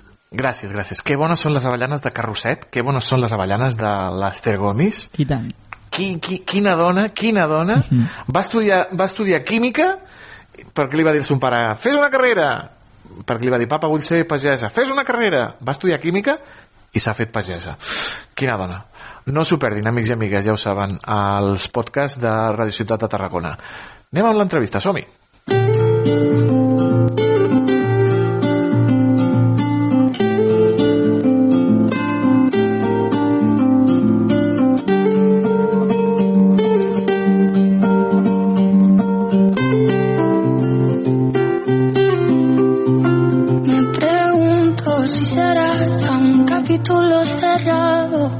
L'epilèpsia és una malaltia provocada per un desequilibri de l'activitat elèctrica de les neurones al cervell. déu nhi Molts potser han vist un atac o una crisi d'epilèpsia en viu i molts altres no han sabut ni sabem com reaccionar o ajudar al que l'està patint. Es pot predir l'epilèpsia? Es pot diagnosticar? Per aclarir molts dubtes que tenim, doncs tenim els estudis de Radio Ciutat de Tarragona el David Sanauja, que ell és el president de l'associació Epilep. Si jo puc, tu també. I el saludem. Senyor senyor Sanauja, molt bona tarda. Bona tarda. Qui sou la gent de Si jo puc, tu també? Doncs som un conjunt de gent que no tots tenim epilèpsia, perquè si volem una societat inclusiva no podíem fer una associació només de gent amb epilèpsia, que, que llavors el que volem és englobar a tot tipus de, de persones que vulguin formar part de l'associació, tinguin o no tinguin discapacitat i tinguin o no tinguin epilèpsia. I llavors el que volem és visibilitzar i naturalitzar aquesta malaltia i donar-la a conèixer. Llavors pot ser mitjançant formacions a escoles, pot ser amb activitats al carrer, pot ser eh, amb, la, amb la part d'investigació doncs, eh, recaptant fons per investigació, etc etc. Vull dir, tenim 5 anys de trajectòria i, i això ens ha donat una mica de, de bagatge ja i de que la gent quan anem pel carrer ja ens comenci a conèixer. Està invisibilitzada? És la gran desconeguda, l'epilèpsia, senyor Sanauja? Uh, no em tratis de senyor, tracta'm de tu, que sóc gran però no tant. a veure, és una discapacitat invisibilitzada o invisible perquè uh, si algun va amb caia de rodes, tothom veu que aquella persona té una discapacitat. Uh, nosaltres, com també podia ser la gent amb Asperger, com podia ser la gent amb TDAH, com podia ser un altre tipus de discapacitat, uh, no se'ns veu res a l'exterior ningú diria que jo tinc un, un grau per cent de discapacitat i la minusvalia absoluta, etc etc. Llavors, aquí eh, a vegades és el petit problema o petit hàndicap que tenim perquè quan tenim una crisi no saben detectar el, el que tenim la gent del carrer. Per exemple, enguany nosaltres el calendari que han fet per, per cara a l'any que ve eh, és una història, és un, és un llibre calendari, o sigui, cada vegada que passes una pàgina del calendari tens una part de la història parlant d'això justament, de la discapacitat invisible. O sigui, amb un, amb un uh, autobús ens sentem al lloc de la gent amb discapacitat perquè nosaltres ja veiem que ens trobem malament tenim Laura. Laura és, és el que nosaltres sentim abans de tenir una crisi. I ens sentem allà, estem criticats perquè som joves, estem criticats perquè eh, potser tanquem els ulls, mira, damunt està dormint o, o, o està, no fa cas de, de no sé què. I llavors en aquell moment potser estem tenint la crisi. Normalment quan diem una crisi epilèptica la gent té al cap la tonicoclònica la que és caure a terra i convulsionar. Que és la menys usual Llavors, eh, la, les més usuals quasi no són detectables. Són potser absències, que vol dir quedar-te amb la mirada perduda com si miressis a l'infinit, o poden ser mioclònies, que són petits moviments amb braços o cames, com pot ser parpellejar els ulls, com pot ser fer moviments a la boca, etc etc. Llavors, la gent això no, no ho percep com una crisi epilèptica i llavors doncs, no, no, ens, no tenim l'ajuda que, que hauríem de tenir o la comprensió, en aquest cas, si estem en un seient d'una persona amb discapacitat. Per tant, en el vostre cas, no, David, és superimportant també tota aquesta tasca de, de difusió, de pedagogia, no?, a l'hora d'explicar de, d'explicar tots aquests símptomes i, i, de, i de normalitzar, no?, al final com a, com a millor manera de- d'actuar. És això. Nosaltres quasi cada setmana anem a alguna escola o altra a fer cursos de formació de què és l'epilèpsia, què fer en cas d'una crisi, eh, per naturalitzar. També ho fem amb empreses, perquè una altra cosa que, que nosaltres volem i busquem és feina ordinària per gent amb discapacitat. Eh, Llavors, eh, tenim diversos convenis que hem signat amb empreses d'aquestes que busquen feina perquè ens sigui molt més fàcil canalitzar, com pot ser DKV, que, que es diu Int- Integralia, com pot ser eh, Tarragona Impulsa, com pot ser ADECO, com pot ser el grup SIFU, etc etc. que aquesta gent el que ens ajuden és a buscar aquesta feina ordinària perquè no tothom està per anar a un taller ocupacional sinó, eh, i visc els tallers ocupacionals eh, per la gent que ho necessita però no tothom està en aquesta franja i llavors necessitem eh, feines ordinàries per gent amb discapacitat. Llavors això és molt important i això és el que hem de reivindicar. També hem de reivindicar els nostres ajuntaments, a les nostres organismes públics a que treguin places per gent amb discapacitat. Llavors també fem formació amb aquest tipus de- de- d'empreses que busquen a què és l'epilèpsia. No? Agafo una persona amb epilèpsia, quines, quines mesures he de tenir de prevenció perquè aquest treballador estigui amb totes les seves comoditats. Llavors, la formació és primordial. És lo, la formació i la informació és poder. Llavors, això és el, és el que ens agrada també fer a la- l'associació, que és tota la formació. Des de petitets, eh, tenim el superheroi nostre, que és el superepilep, eh, que sóc jo disfressat de, de superheroi, i com que no m'agrada la faràndula, i això ho fem ja a, a, a tercer de primària, segon de primària, hem fet alguna, alguna classe de formació, doncs perquè hi ha un nen amb epilèpsia, un infant, un nen o nena, doncs, i, i llavors doncs, a, a, els seus companys sàpiguen què li passa, no? i no s'espantin. I llavors ho fem via jocs, tota la formació és via jocs. A partir de quart de primària ja ho fem en PowerPoint i explicant-ho i, i tot això, no? més, més tècnic, com com si diguéssim. Després fem també formació a famílies, fem formació a mestres. Vull dir, tenim diferents tipus de formacions diferent al públic que anem dirigit. Uh -huh. Un petit gest per un gran canvi. És una campanya que s'ha fet internacional, perquè s'ha vist per, per, per tot el món. És per donar-vos a conèixer en events esportius, com poden ser maratons, curses, i ahir precisament vau fer uh, la tercera Mouta per l'Epilèpsia a Tarragona. Uh -huh. On va anar? I expliqui'ns una miqueta què és això d'un petit gest per un gran canvi.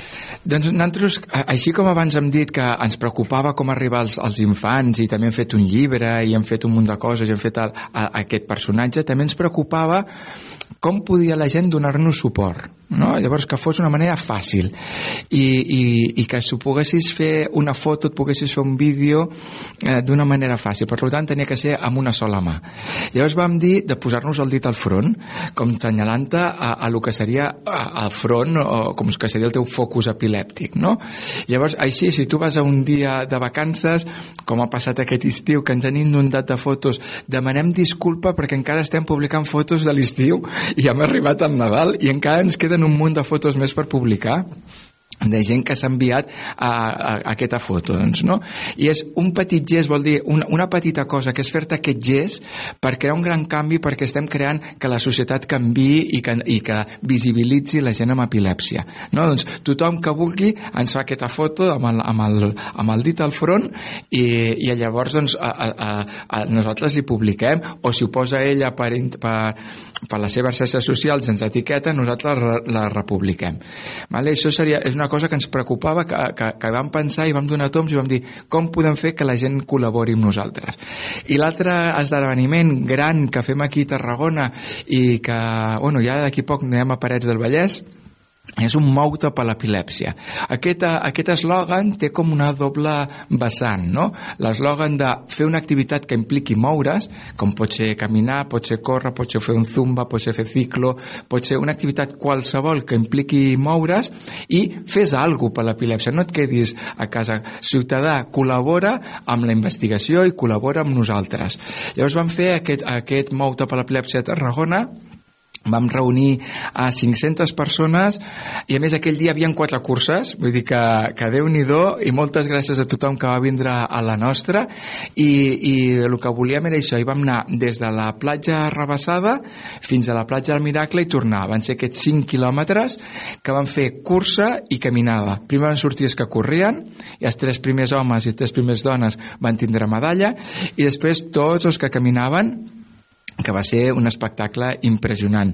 Vam poder fer sortejos, també gràcies als sponsors que ens van ajudar a que, a que aquest dia fos meravellós i fos preciós. Teníem un gran speaker que es diu Adrià Requesens, eh, que Home! em penso que, que el coneixem una mica. Bueno, dic mentida, va vindre el senyor Ramon, eh, que encara... Ah, bueno, el senyor Ramon no, no és tan bo com l'Adrià. No és tan bo com l'Adrià, ai que no te senti.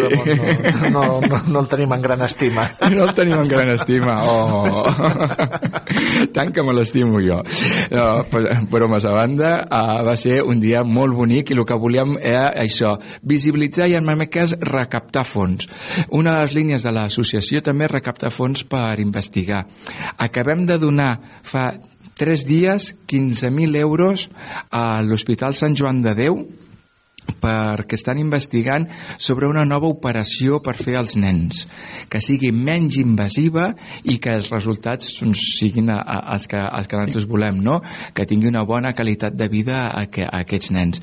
Havien tres nens eh, en projecte per poder fer aquesta operació però aquesta operació és molt cara val aquests 15.000 euros cada, cada operació. Nosaltres moment hem pogut col·laborar amb una i esperem dintre de poc poder col·laborar amb les altres dues. Si és això, i tot això ho aconseguim doncs, venent pulsaretes d'aquestes que em fan les voluntàries, fent mercadets solidaris, ara han venut loteria eh, i, i donacions que, mireu, esteu a final d'any. Si ara us interessa fer donacions que desgravin a, a Hisenda, cara al maig encara esteu a temps de fer-nos una donació i, i llavors ja podeu desgravar fins un 80% vull dir que això és important. Tu dones 100 i, i, i resulta que te'n tornen un 80 eh? Vull dir que, eh, ojo i nosaltres ens arriba senceret doncs tot això Perquè- Perquè... és important per, per nosaltres i, i per poder doncs, millorar la qualitat de vida d'aquests, en aquest cas nens, però hem fet de memòria, hem fet de, de diversos estudis, de, un que també va ser, eh, són xulos, de que és la gent amb encefalopatia o la gent, eh, amb, ara no em sortirà l'altra malaltia, que ja no tinguin epilèpsia. Vale? A vegades l'epilèpsia és la comorbilitat d'altres malalties. I llavors, la gent amb meningitis, veus, ja m'ha vingut. La gent amb meningitis i la gent amb encef- amb encefalopatia, a vegades els hi quedava resident l'epilèpsia. Pues ara hem mirat d'una manera, o s'està estudiant de quina manera poder operar o poder tractar aquesta gent perquè ja no els hi queda l'epilèpsia resident. Vale? Tot això són diners, diners, diners, diners. L'associació ningú cobra, l'associació sense ànim de lucre i no tenim equip tècnic cobrant, i tot el que recaptem és per aquesta investigació. perquè en un context també on cada vegada no hi ha més exposició a les pantalles, potser més impulsos lumínics, com hi ha una tendència a l'alça de, de, de gent més sensible als atacs epilèptics o, o no té per què? A veure, la gent fotosensible dintre del món de l'epilèpsia és un 2%. Es calcula que és un 2%. Vull dir que és, eh, sí que hi ha gent que és fotosensible i, i que ha de tindre en compte aquestes pantalles. Per exemple, jo soc un dels que a mi les pantalles ma, ma, no m'agraden, eh, no som amics, però només és un 2%. També dic que no espantem a la gent. La gent amb epilèpsia, un 80% amb medicament està lliure de crisis vull dir que, que és, és, un gran, eh, és un gran tant per cent. Després hi ha un 20% que som especials, que ens diem farmacoresistents, que vol dir que la medicació no ens fa tot l'efecte que ens hauria de fer, que és una altra cosa també que s'ha d'investigar, el per què, el com i el quan. Cada vegada eh, els metges estan fent més trajes a mida o sigui, es fa la, la, la, la medicina personalitzada no? per exemple, amb estudis genètics amb, amb mirar quina és la medicació que et va millor a tu no, no és una cosa eh, tens mal de cap, amb un ibuprofen tens prou, amb l'epilèpsia no funciona així, eh, és una cosa molt més acurada, molt més, s'ha de fer molts més estudis, s'han de fer moltes més proves. I llavors eh, això és el que estem tirant cap aquí, no? cap als trajes a mida, perquè eh, la gent amb farmacoresistència ens puguem eh, tindre una millor qualitat de vida. Uh -huh. Ha parlat de, de dos tipus d'atacs d'epilèpsia. El, el que tothom associa a un atac d'epilèpsia, que és quan cau al terra, comença a convulsionar, eh, etc etc. que Mhm. jo el vaig veure en una celebració d'un, d'un, a- al mig de la plaça del Prim. Va ser eh, entre terrible i, i, i, espectacular. I també ha, ha parlat de el, el que es queden amb la mirada perduda o que tenen una, una tremolor en la mà. Què podem fer si veiem aquests dos tipus d'atacs. Uns consells bàsics, suposo que serà trucar a, al 112 immediatament, però què podem fer a banda de la resta de les persones davant d'un atac d'epilèpsia? Bé, ni que, ni que ara el que vagi dir sembla estrambòtic i que passi i que... Ole, David, pues sí. Primera, eh, no marxar corrents i deixar la persona allí. L'hem de socórrer. Primera. Eh, no insultar-la. I a mi va passar travessant el carrer i me vaig sentir des de fill de puta, drogata, cabron, què fas aquí, a veure si surts del mig. Jo tenia una, simple crisi eh, d'aquestes d'absència i jo em quedo quiet, bueno, jo i el 90% de gent ens quedem quiet, no et movem i llavors això, en si veus que una persona enmig de la carretera es queda quiet és per alguna cosa vale? Vull dir que sembla, oh, no sé què, pues sí, anem a socórrer abans a un gos o, o, o qualsevol això que no una persona, no? Llavors, primer socórrer. Socórrer què vull dir? Vigilar-la, que no prengui mal i mirar el rellotge. Si, si veiem que no pren mal i, i està, està bé, ni que tingui una desconnexió i no passen més de 3 minuts, per això he dit mirar el rellotge, i els 3 minuts tornen sí, cap problema, no s'ha de fer res més. Veiem que està a punt de caure, que perd l'equilibri, doncs deixar-lo a terra, agafant-lo per sota els braços, deixar-lo a terra, posar-lo de costat i, i seguir mirant el temps. Si passen aquests 3 minuts, llavors sí que s'ha de trucar a emergències, que és el, el 112 o amb els nens petits, com que 112 no, no ho saben dir, diem el 112 i ens assenyalem la boca, 1, ens assenyalem el nas, que és un 1, i ens assenyalem els ulls, que són 2. Llavors així memoritzen el que és una boca, un nas, dos ulls, 1, 1, 2. Llavors això seria el que s'hauria de fer. En passar-se la llengua no hi ha ningú al món que se l'hagin passat. Això és una, un, també un fals mite. Això és una cosa que no, no existeix, no, no, no passa. Què pot I passar? mossegar-se la llengua... Mossegar-se sí, això sí, però no ens heu d'obrir la boca ni posar-nos pals ni res de tot Mitjons. això. Res. Ten- No, i menys si som bruts. No, això, és un altre fals mite. El que vaig veure jo li van ficar una bufanda del Barça, al noi a la boca. I si és del Madrid, pobre? No, això, això és una cosa que es deia abans i no s'ha de fer. Vull dir, a, a, la, a la persona, si es mossega la llengua, doncs l'endemà parlarà amb dificultat, com quan qualsevol persona que s'ha mossegat la llengua a la seva vida. Què passa quan tenim una crisi epilèptica? Tenim la, la, la fase tònica, la fase que estem eh, molt rígids. Llavors, si ens intenteu obrir la boca, una de dos. I hi ha gent que ens posava una cullera o un pal i fèiem palanca. O trenques el pal o la boca, ai, o trenques el pal o el que hagis posat, o em trenques les dents o em disloques la boca. Per lo tant, m'estàs fent mal, amb tot. S'ha vist més d'una vegada gent amb, les dents, amb totes les dents partides i un, i, i un, tro, i, i un munt de sang per, per tot arreu. No val la pena no val la pena, no, no és el que s'ha de fer. Per això he de posar-lo de persona de costat si, si és la tònico-clònica que cau a terra i convulsiona.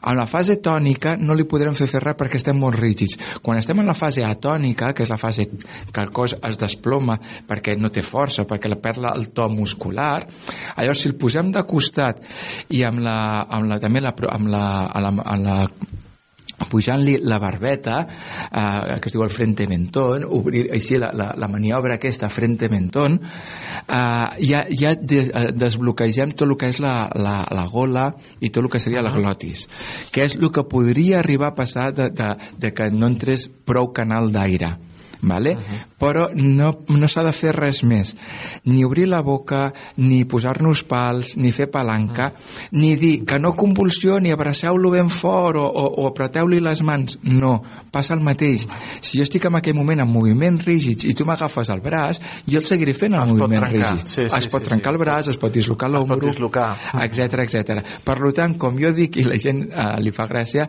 la crisi és meva, deixa-me-la disfrutar Vull dir, és meva. No me la frenis, deixa'm que gaudeixi d'ella, mira el temps, això sí que és molt important. Mira el temps, si passa més d'aquests 3 minutets, trucar al 112.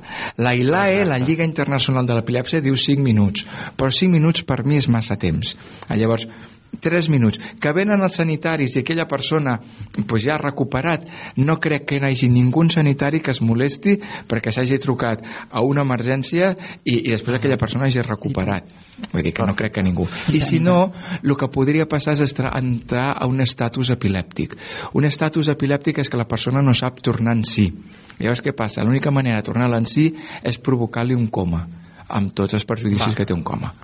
Vale? Llavors, Un tema, un, tema, un tema molt delicat eh, que necessitaríem molt, molt de temps per parlar-hi però el temps ens ha tirat al damunt volem donar les gràcies al David Sanauja president de l'associació Epilep Si jo puc, tu també l'emplacem per un altre dia per continuar parlant de- d'aquesta malaltia com hem dit, invisibilitzada i tan desconeguda. Gràcies, senyor Sanauja, una abraçada molt gran. Moltíssimes gràcies per obrir-nos el micròfon i donar-nos aquests espais. De fer més llarg. Que vagi molt bé, gràcies. Gràcies. Adéu.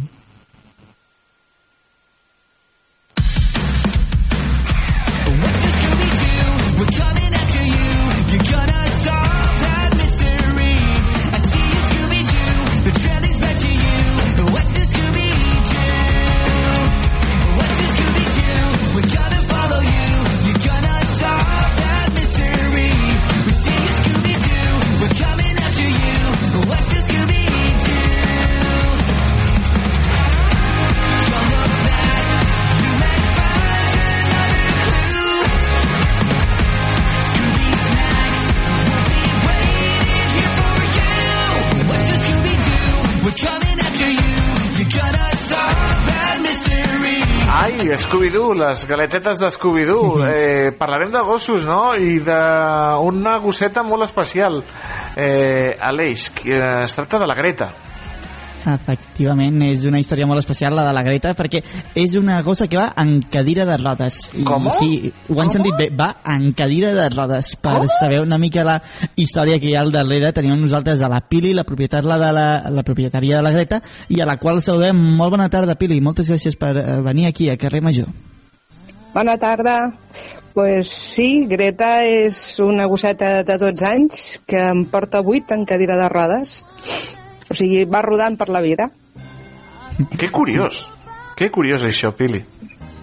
Bueno, és, eh, es va quedar paralítica perquè tenia calcificacions a la columna i l'opció que ens donaven era, bueno, es podeu imaginar, o una cadira de rodes. I com que ella era una valenta i tenia força vam, vaig decidir pues, pues anar amb rodes. I si ella era capaç pues, jo més. I mira fins ara. Déu nhi com vau reaccionar a la notícia de que a la Greta o com has dit tu, o la injecció per dormir eternament o la cadira de rodes, va ser un cop dur, no?, suposo, per Valtros? molt, molt. Vull dir, és, és, és, aquell, és aquell moment que no vols escoltar mai, vull dir, més amb 4 anys i mig com tenia, vull dir clar, Greta és que li va ser molt sobtat. Um, dissabte estava bé, diumenge el passeig va ser raro i dilluns ja em van dir probablement sigui una hèrnia o probablement dimarts ja em van dir és que no hi ha res a fer tot i així la deixem amb observació, però dijous, divendres d'aquella mateixa setmana ja m'ho deien, diu, i no un veterinari, eh, dos, me deien que la sacrifiqués. I, bueno, mm, vaig decidir perquè ella estava bé, vull dir, la, la, el seu argument era perquè, per mi, no per ella. Vull dir, per, per la situació que, que englobava tindre-la a casa així, no? I vaig dir, per mi no, si ella, ella no està, no té, no té dolor o, o ella no serà feliç o... Diu, no, és, és per tu. I la veritat que és el que menys me'n repenteixo de tot, de, de tot el que he fet. Exacte, no? Vau començar una mica una aventura i com, com va anar aquest procés de, de, la, de la cadira de rodes? Perquè, clar, entenc que també això és una cosa també una mica inusual. Bueno, eh, en aquells moments sí que ho era. Ara no, ara és molt fàcil i és, realment és molt fàcil veure gossets amb cadira de rodes. Però en aquell moment sí, i la veritat és que tampoc no ens que no, no em van donar gaire ajuda, no? Ni, ni al centre és que és el que em deia, que la majoria de, de gossets que es quedaven paralítics mm, pocs tiraven endavant en cadira de rodes. Vull dir, les decisions del, dels amos eren quasi sempre sacrificar-los. I, bueno, eh, si són incontinents, a més a més també és una mica més de problema i tal, però al final vas aprenent. Mm, Busques informació, per, bueno, ho faries per, per qualsevol mm, ser estimat que tinguis a la vora, no? I, i, a poc a poc, doncs mira, van començar a fer també un grup a Instagram, que sí que és veritat que ha sigut com a més lent, no? perquè Instagram ha tingut auge més, fa menys, menys temps, però hem anat fent molt de suport i la veritat és que fins avui. I bueno, que avui, doncs mira, tenim... O sigui, s'ha fet un grup molt maco i ens ajudem molt i molts projectes endavant també. Héroes sobre ruedas, no? Es diu això, Pili? Sí, és un llibre, es diu Héroes sobre ruedas, històries de perros paralíticos. Ah, eh, L'autora és Susana Moyà. Eh, ella va tindre a Hugo. Mira, just avui... Sembla que, que canvies des d'un dia a dies. Avui fa un anyet que va marxar Hugo. I ella, doncs, bueno, era una mica com un homenatge doncs, al seu gosset i, i diguéssim, a tots aquests campions, no?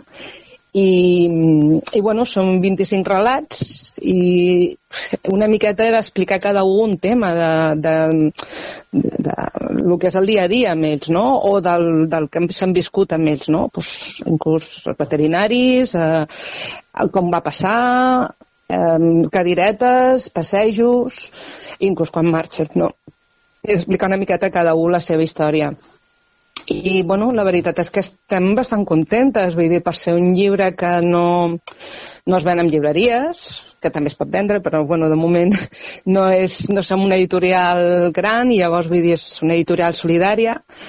Es porten vora 450 exemplars venuts des de finals de setembre i, i bueno, es van implicar a part de doncs, 25 famílies amb gossets, 25 il·lustradors també, amb, amb cada, en cada relat una il·lustració del, del, del gosset i la veritat és que, que bueno, veiem que té molta acceptació i que sí. la gent, tot són paraules boniques, no?, quan el llegeix.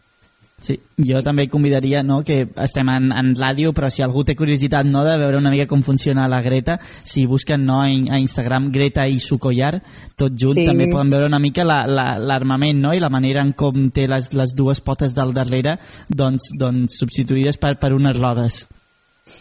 Sí, sí. Bueno, va, és com una mena de carretilla inversa, no? Vull dir, van penjats amb un, amb un arnès i llavors, doncs, diguéssim, porten el pes bastant equilibrat. Però, però bueno, hi ha gossets que, que ja no són de caminar, però Greta, mira, diumenge just van fer una presentació a Barcelona amb un market na- nadalenc i van baixar perquè havien de veure Greta i la, aquí la senyoreta es va caminar 9 quilòmetres i es queda tan panxa a mi encara em sorprèn Com una campiona, com una hero heroïna que està feta la Greta. Pili, Sí, sí. Eh, un plaer parlar amb tu, buscarem aquest llibre, Héroes sobre ruedes, i moltíssimes a, gràcies. A Reus, a Reus hi ha Digues, un punt perdó. de venda, si, per si a algú li interessa. On? És, és un centre veterinari que és un, bueno, on tracten a, a Greta, que és Pura Vida, que està a l'Avinguda Països Catalans. Pura Doncs Vida mira, allà- Animal. Allà trobarem el llibre de la Greta i si no també ho buscarem per internet, Sí, que segurament per el internet. trobarem. I tant Molt bé. sí. Pili, moltes gràcies. A vosaltres. Bones festes. Que vagi bé. Adéu. Vagi bé, adéu. Adéu, adéu. Adéu.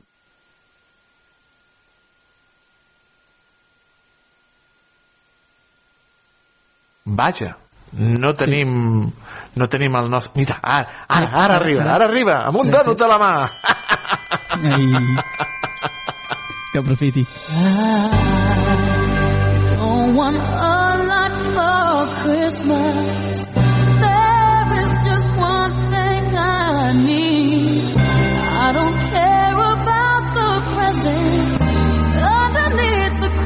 Menjant-se un donut, eh? És, és, és un campió. És Menjant-me un donut? No, no, tu no, tu no. Ah, val. No, ja estic jo El Diago. destinant coses de la tele. El Diago, el Diago, que un està menjant-se un donut. Jo, Mira, jo crec que ha d'aparèixer el, el Iago un dia als tonis. Fer uns tonis Sí, amb el hauria Iago, d'aparèixer que un aparegui dia. Oh, Iago. podria intervenir un dia, no? Així un sentim la dia hauria de fer una intervenció així.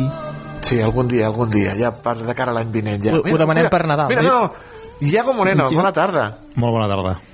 Bravo! Ara, ara, per escoltar la seva veu. El millor regal de Nadal, eh? Escoltar la veu del Iago. d'aquestes acusacions? O... Sí, perquè ja agu- aguantar a la, a la Maria Carella... De, Puc fer diferents tons, si voleu.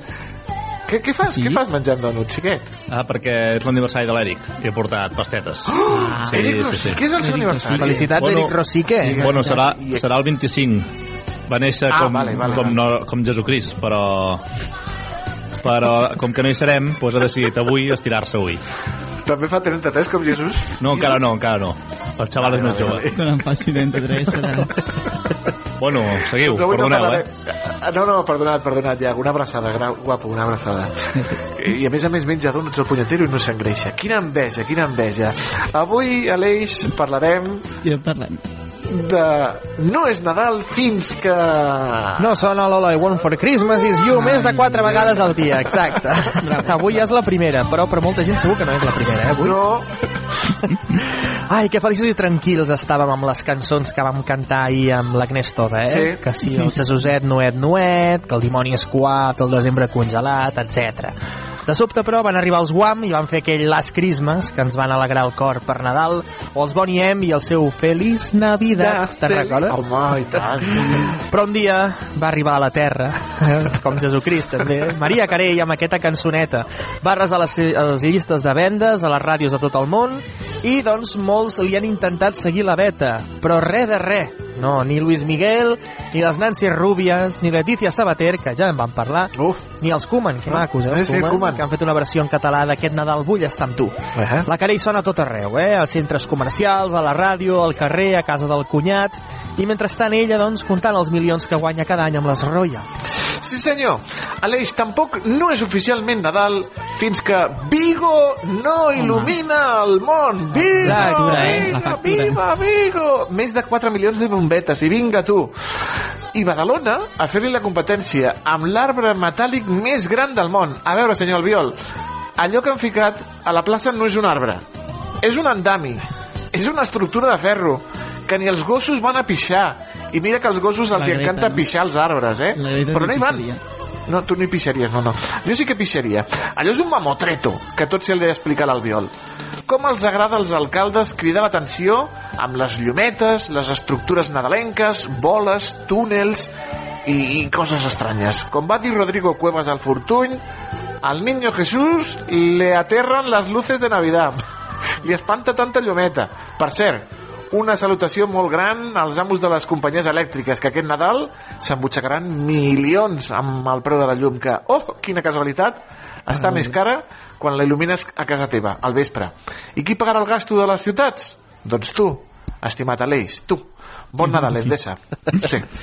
No és oficialment Nadal fins que no te'n passes una bona cua a l'administració de loteria per comprar el número del Gordo. Sí, senyor. El que creus que serà del Gordo, Sí. eh? Una bona estona, no?, fent cua, per exemple, a la Pastoreta Reus, que ja va entregar la grossa fa uns anys, però que cada dia, i literalment cada dia que hi passo jo per allà, I tu jo també, Toni Mateus, cada dia. Té cues i cues, eh? I tothom a buscar el número de l'empresa Teixidor del Catxirulo, que ja fa mesos que es va acabar. Sí. Amics, les estadístiques diuen que és més fàcil que et caigui un llamp al cap que torni a tocar ja, ja no que et toqui, sinó que torni a tocar la grossa la gent de Teixidor o la gent del Catxirulo. Però mira, compren el número i l'esgoten, eh? Per si de cas, doncs, passi, eh? Exacte. Sembla que Poden, ens agradi poden, fer cua, eh? Que ens agradi fer cua, que ens agradi passar fred al carrer, gastar-nos una mitjana, segons diuen, de 100 euros en jocs d'atzar. I vinga, a perdre'ls també, eh? Ara bé, l'any vinent, de nou a fer cua a la pastoreta, si no ja veureu, i també amb els números del Teixidor i el Catxirul. Sí, Teixidor, Teixidor i Cachirulo forever. No és oficial Ment Nadal a l'Eix fins que no has vist a la tele Solo en casa, Gremlins, Love Actually i Jungla de Cristal, les pel·lis més nadalenques del món. També acceptem Que Bello es Vivir, La Gran Familia, Marcelino Pan y Vino, El Grinch o Los fantasmas atacan al jefe 1 i 2. Des de que s'encenen els llums de Nadal, als carrers, els programadors de la tele són capaços de ficar Love Actually en bucle. De fet, si em permeteu, jo vaig fer una entrada un dia d'aquests que tu no hi eres, que ma mare va al límit de 3 pel·lis nadalenques per dia i he comptat que em quedaven 33 pel·lis nadalenques encara per veure ma mare aquests Nadals. Com l'edat de Jesucrist, també. També, com l'edat de Jesucrist. Vinga, tu. I també els programadors que fiquen sol el casa a l'hora de la migdiada.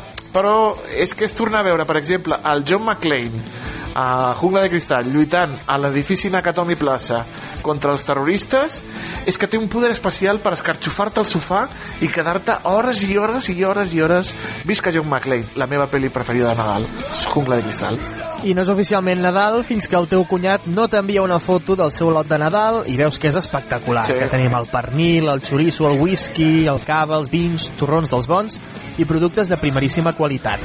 I ell, doncs, que és una persona humil, no? vol presumir, comparar-ho amb el teu, que o no en tens o té un molt espumilló per omplir forats, paper, cartró i molt d'aire i poc menjar, en fi, amb un vi una DO que no coneixes o no existeix, un cava sense etiqueta que segurament està fet a Extremadura, torrons dels que no agraden a ningú, i avellanes turques garrapinyades dolentes i a punt de caducar. I el teu cunyat, que et diu allò de... Què? No teniu diners, no? La vostra feina? No, No. teniu... El cap no té diners o què? No, no, no. Ai, aquest any, cunyat idiota, penso ficar-te cava desconegut a la teva copa sense bombolles, que ja porta obert des de fa dies, i el bo és que ni se n'adonarà. Ni se n'adonarà. Eh, Tindrem lo de Nadal, Antonio? No. Oh. No és oficialment Nadal fins que no compres a la farmàcia Almax, Gaviscon, Fave di Fuca o Iberogàs. I no, Aleix, no són personatges del Senyor dels Anells, ni de Joc de Trons, sinó medicaments per combatre l'acidesa estomacal. Després de menjar aperitiu, marís, pollastre, gall d'indi, canelons, peix, neules, torrons, polvorons, pastís, fruits secs, refrescos, cava, vi, licors, gin tònic, whisky, gelat, cafetó, més licor, més neules, més torrons, més polvorons, una mica de fruita per compensar, és normal que tinguis dos enemics quan passin aquestes festes. I el Un, tercer és el Guillemena. el, el tercer és el Guillem. Sí, senyor. El primer és el teu estómac, que s'ha declarat en vaga després de tantes combinacions possible, impossibles i demana ajuda als guerreros Almax i Fave di Fuca. I el segon, la bàscula, que quan puges diu damunt amunt. Eh, I el tercer, com has dit tu, el Guillemena que dirà ai, Toni, què has fet, Toni? Això no té solució. I finalment, no és Nadal oficialment fins que els Tonis fan la seva secció nadalenca, Sí, musiqueta senyor. de Nadal, Sí, senyor. pel·lícules recomanades, Sí, bons consells per sobreviure dignament a aquestes dates, i intenta treure un somriure dels llavis com cada dia que surten a carrer Major. Visca! Des dels Tonis, en Mateos i en Mellado us desitgem molt bon Nadal a tothom, Sí, senyor. menys els cunyats, a les companyies elèctriques i els seus directius, Sí, senyor.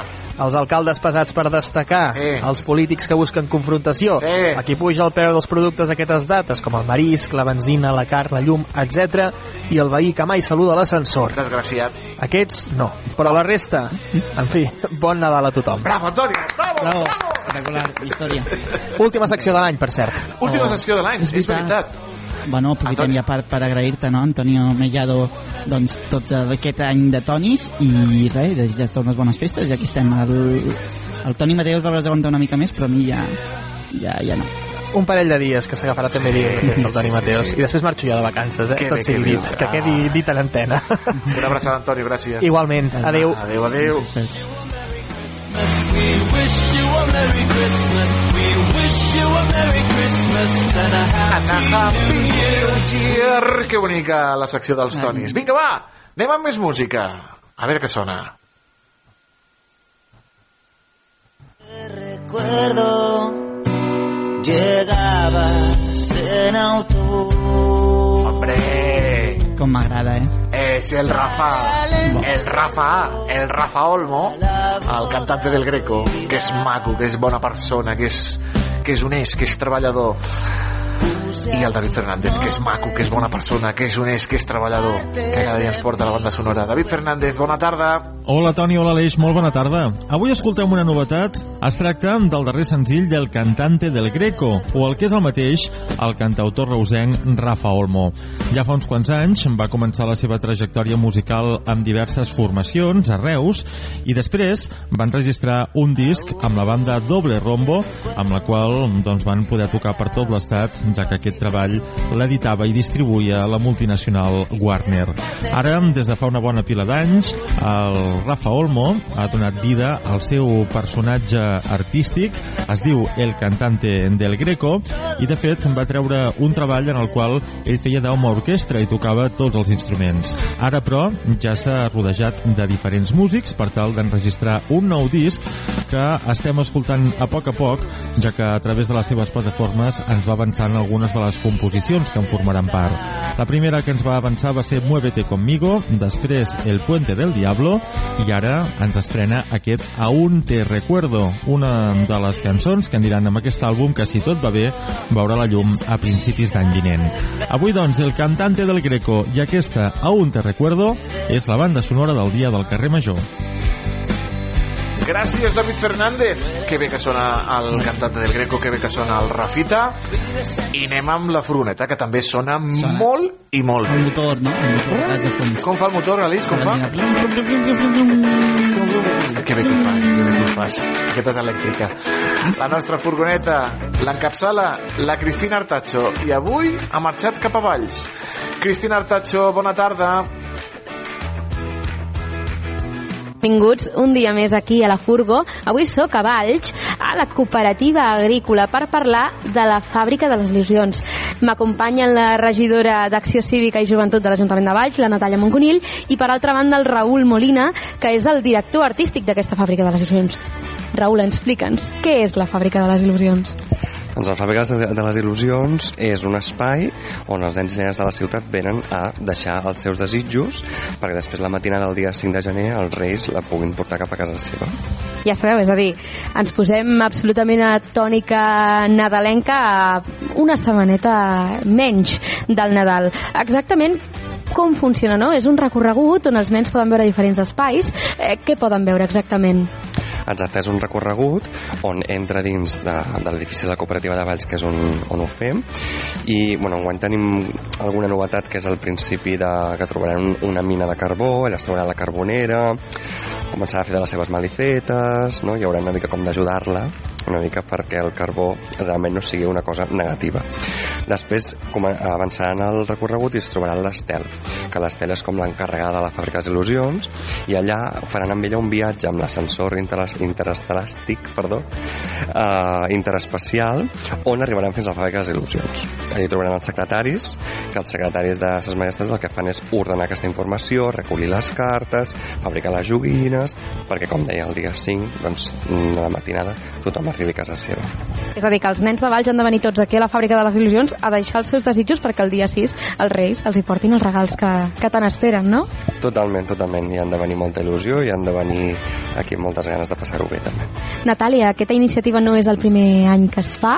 Uh, com va néixer i com ha evolucionat des d'aquella primera edició, ja fa uns quants anys?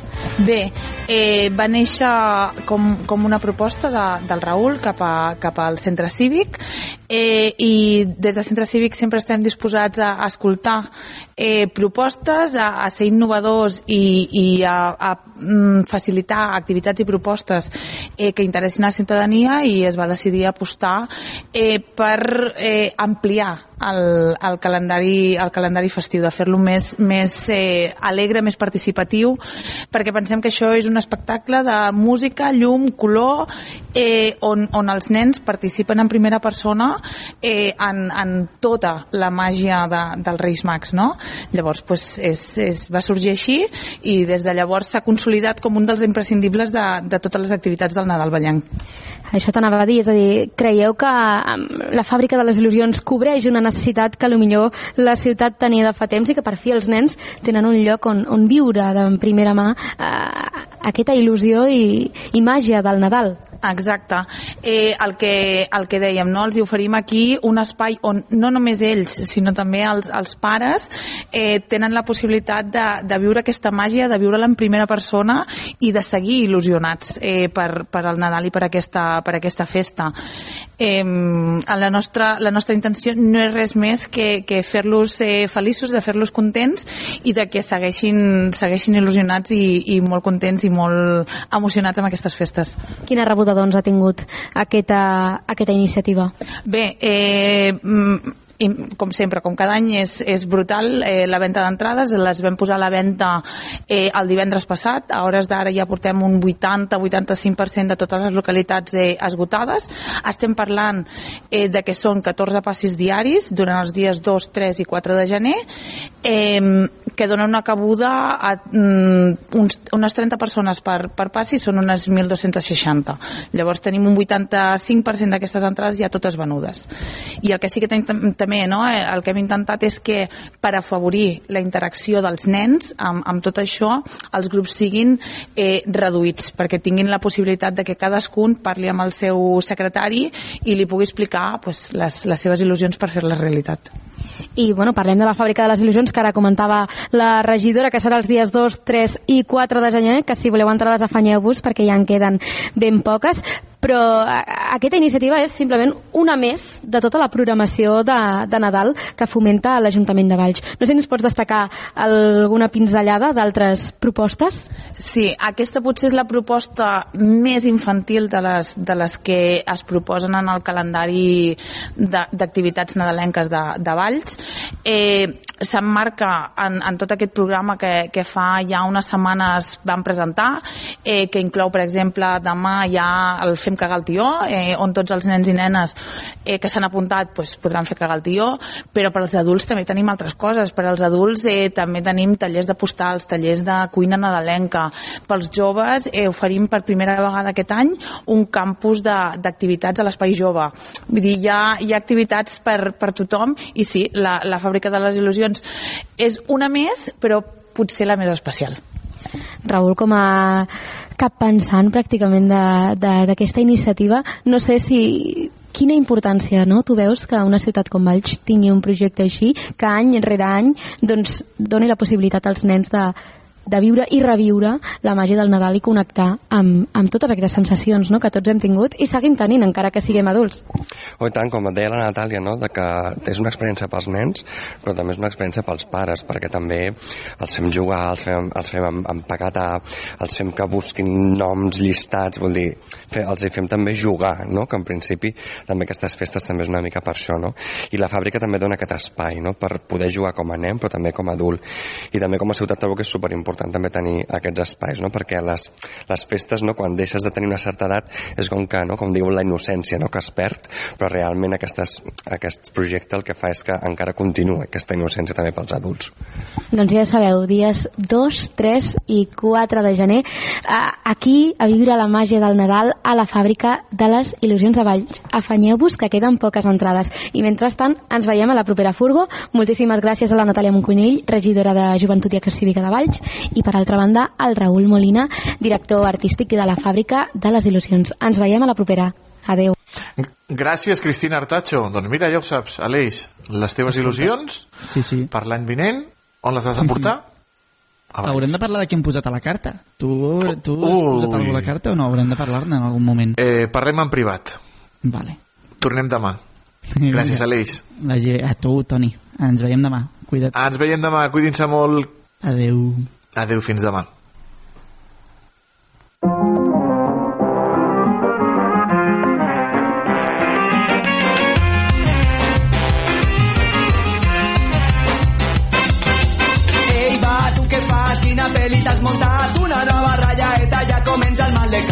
Una ascensor que em puja les pedres al meu terrat.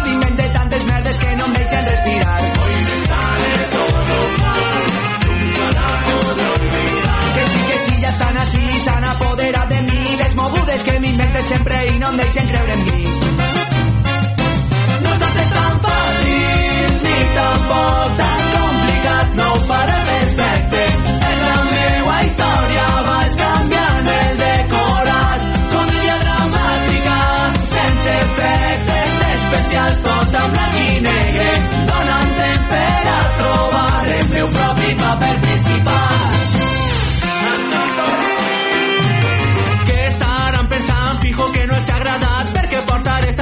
sé que em queda fatal. 10 minuts i no em contesta estarà molt ocupat. O hauré dit alguna cosa que sobrava mai se sap. Al examen platejat no podré independizar aquesta taca que fa si no la recordava a mi. Pilla el cotxe, vaig a urgències mire no tinc ganes de morir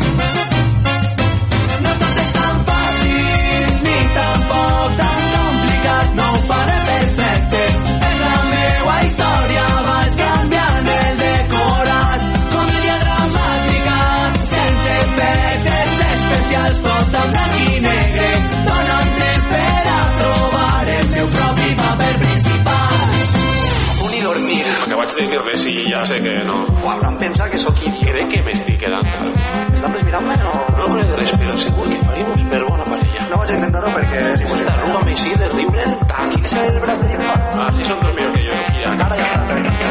no tinc Covid. Us dic una cosa seriosament, de que en la vida, en la vida vaig a ser feliç. Les pel·lis que montes, les pel·lis que montes, les pel·lis que montes, no són poques ni moltes.